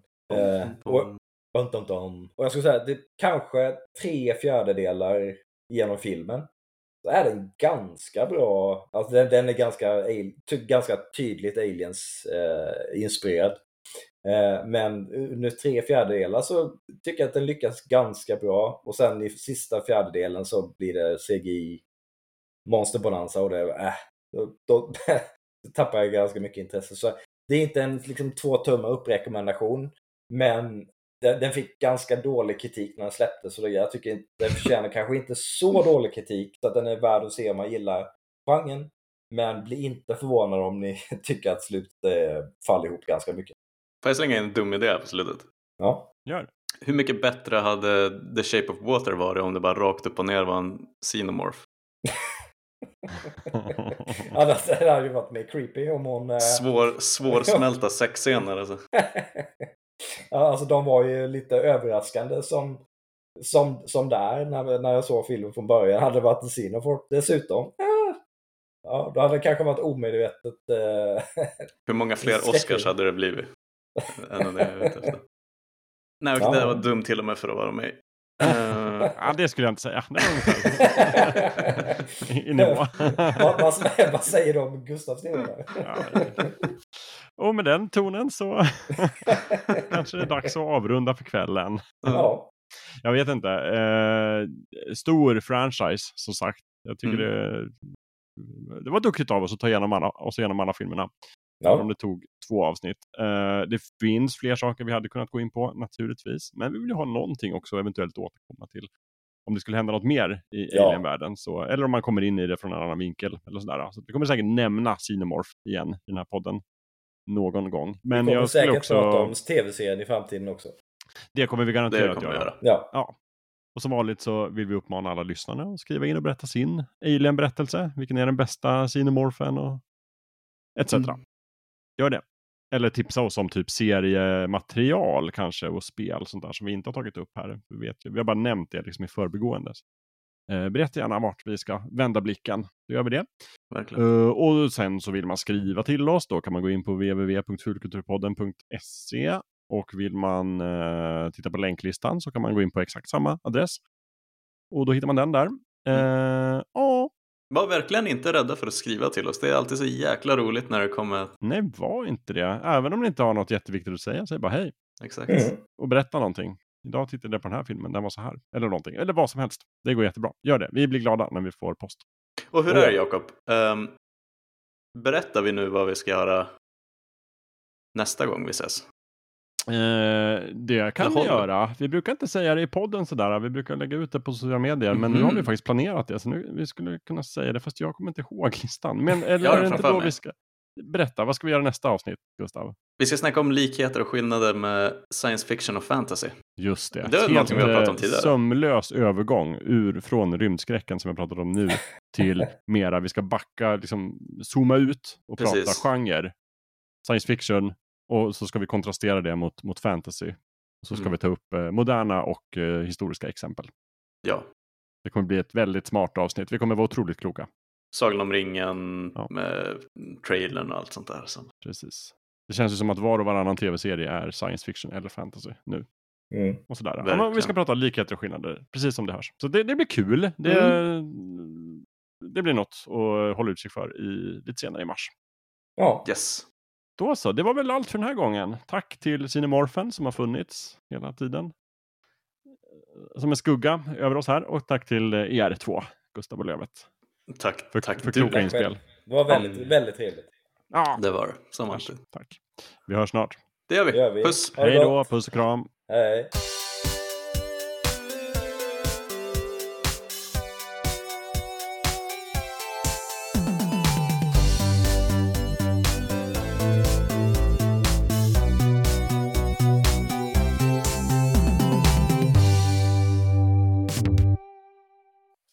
Måste säga, var det jag eller du Jakob som började med dumma namn? I... Eh, det var säkert du. Jag vet Jag inte, jag ingen var, aning. jag tror det var Gustav. Det låter som Gustav, att eller hur? är så- Ja. Det är så härligt att, att folk har börjat hoppa på den trenden nu. Ja, jag orkar inte alltid. Det är, man måste gå in i inställningar och backa och liksom gå in och klicka och hålla på. Ja, Men, eh, jo, oh. precis. Det, det, jag, ska, jag ska bli bättre. Det är också kul bara för oss. Ingen annan får se det. Ja, vi kan ju inte lägga upp det på eh, FK-sidan. det kan vi göra. Det är sant. Ska vänta bara Hallå, det får jag, får jag, får jag föranleda hela det här kan du faktiskt ha med. Gör det. Jag har tryckt på dig. Men får jag bara, får jag bara föranleda hela inspelningen och säga att ehm, för, för nu i det här rummet som vi spelar in i så heter jag Gustav Rapace med två U. Ja. Eh, det tyckte jag var skitkul. Efter, Ehm, efter Nomi med två U förstås. Precis. Ehm, och jag har sagt flera gånger tidigare att jag trodde att berättare som en rolig historia att jag var förskräckt över filmen Svinalängorna för att det var liksom sex scener mellan Rapace och Noomi Rapace när jag trodde att de var syskon. Just det, ja precis. Och sen var det så ah, de är gifta och eh, liksom Noomi har tagit efternamnet från Ola och så sen hon behållit det. Men det här blir typ en rättelse för åtta fullkulturavsnitt. Sent om sidor. Jag tror att de tog det gemensamt. Alltså att Ola hette Aha. någonting annat innan Rapace också. Så ingen hette Rapace, de tog det gemensamt? Vänta, nu ska jag... Ola Rapace. Ola, han hette Norell. Jaha. Vilket är... Förlåt alla som heter Norell i efternamn, men det är väl ett ganska svagt efternamn. Eller? Jämfört med Rapace. Alltså jag, för jag, Jo men jag har ju alltid sagt så här. ja, ja, såklart. För jag har ju alltid sagt, jag fattar ju att Noomi behöll sitt efternamn. För att Rapace är ett sånt bra efternamn. Ja, just, det, Ehm, just det. Och Hilda Noomi Rapace hette ju Norén tidigare. precis. Ja. Ehm, det är lite kul att de heter Norén och Norell. Det är jättekul. Och då tänkte de det här går inte, vi måste heta något tillsammans. Vi tar Precis. Rapace. Det är lite som eh, Emma Knyckare. Hon tog det efternamnet med typ sin ex-pojkvän. För de tyckte att Knyckare var så himla snyggt. det, jag kan ju säga att liksom det, det gör ju hela hennes personlighet på något sätt. Emma Knyckare? Ja, Mm, verkligen. men- Tänk om man hade hetat Emma Norell. Ja, nej men exakt. Då byter man till knyckare. Eh, rapace är ju franska och eh, italienska för rovfågel. Ah. Är ra, rapace och rapacious, är det samma? Antar det? Vet inte. Nu är går- det här, nu vad är det här? det här Språkpodden eller? jag vet inte. Aggressively greedy or grasping säger eh, Google. Mm. Då- Man kan ju verkligen säga att xenomorfen är rapacious. Ja, Det kan man säga. Mm, Mm. Precis. Märk väl nu hur jag försöker föra oss in på ämnet igen. Ja, absolut. Ja, Men jag, kommer ju, jag kommer ju säga hej och välkomna snart. och Ja, sådär. perfekt. Så att, men det här blir en Perfekt. fint extra material. Mm. Extra bildning blir det ju då i fullkultur. Uh, ehm,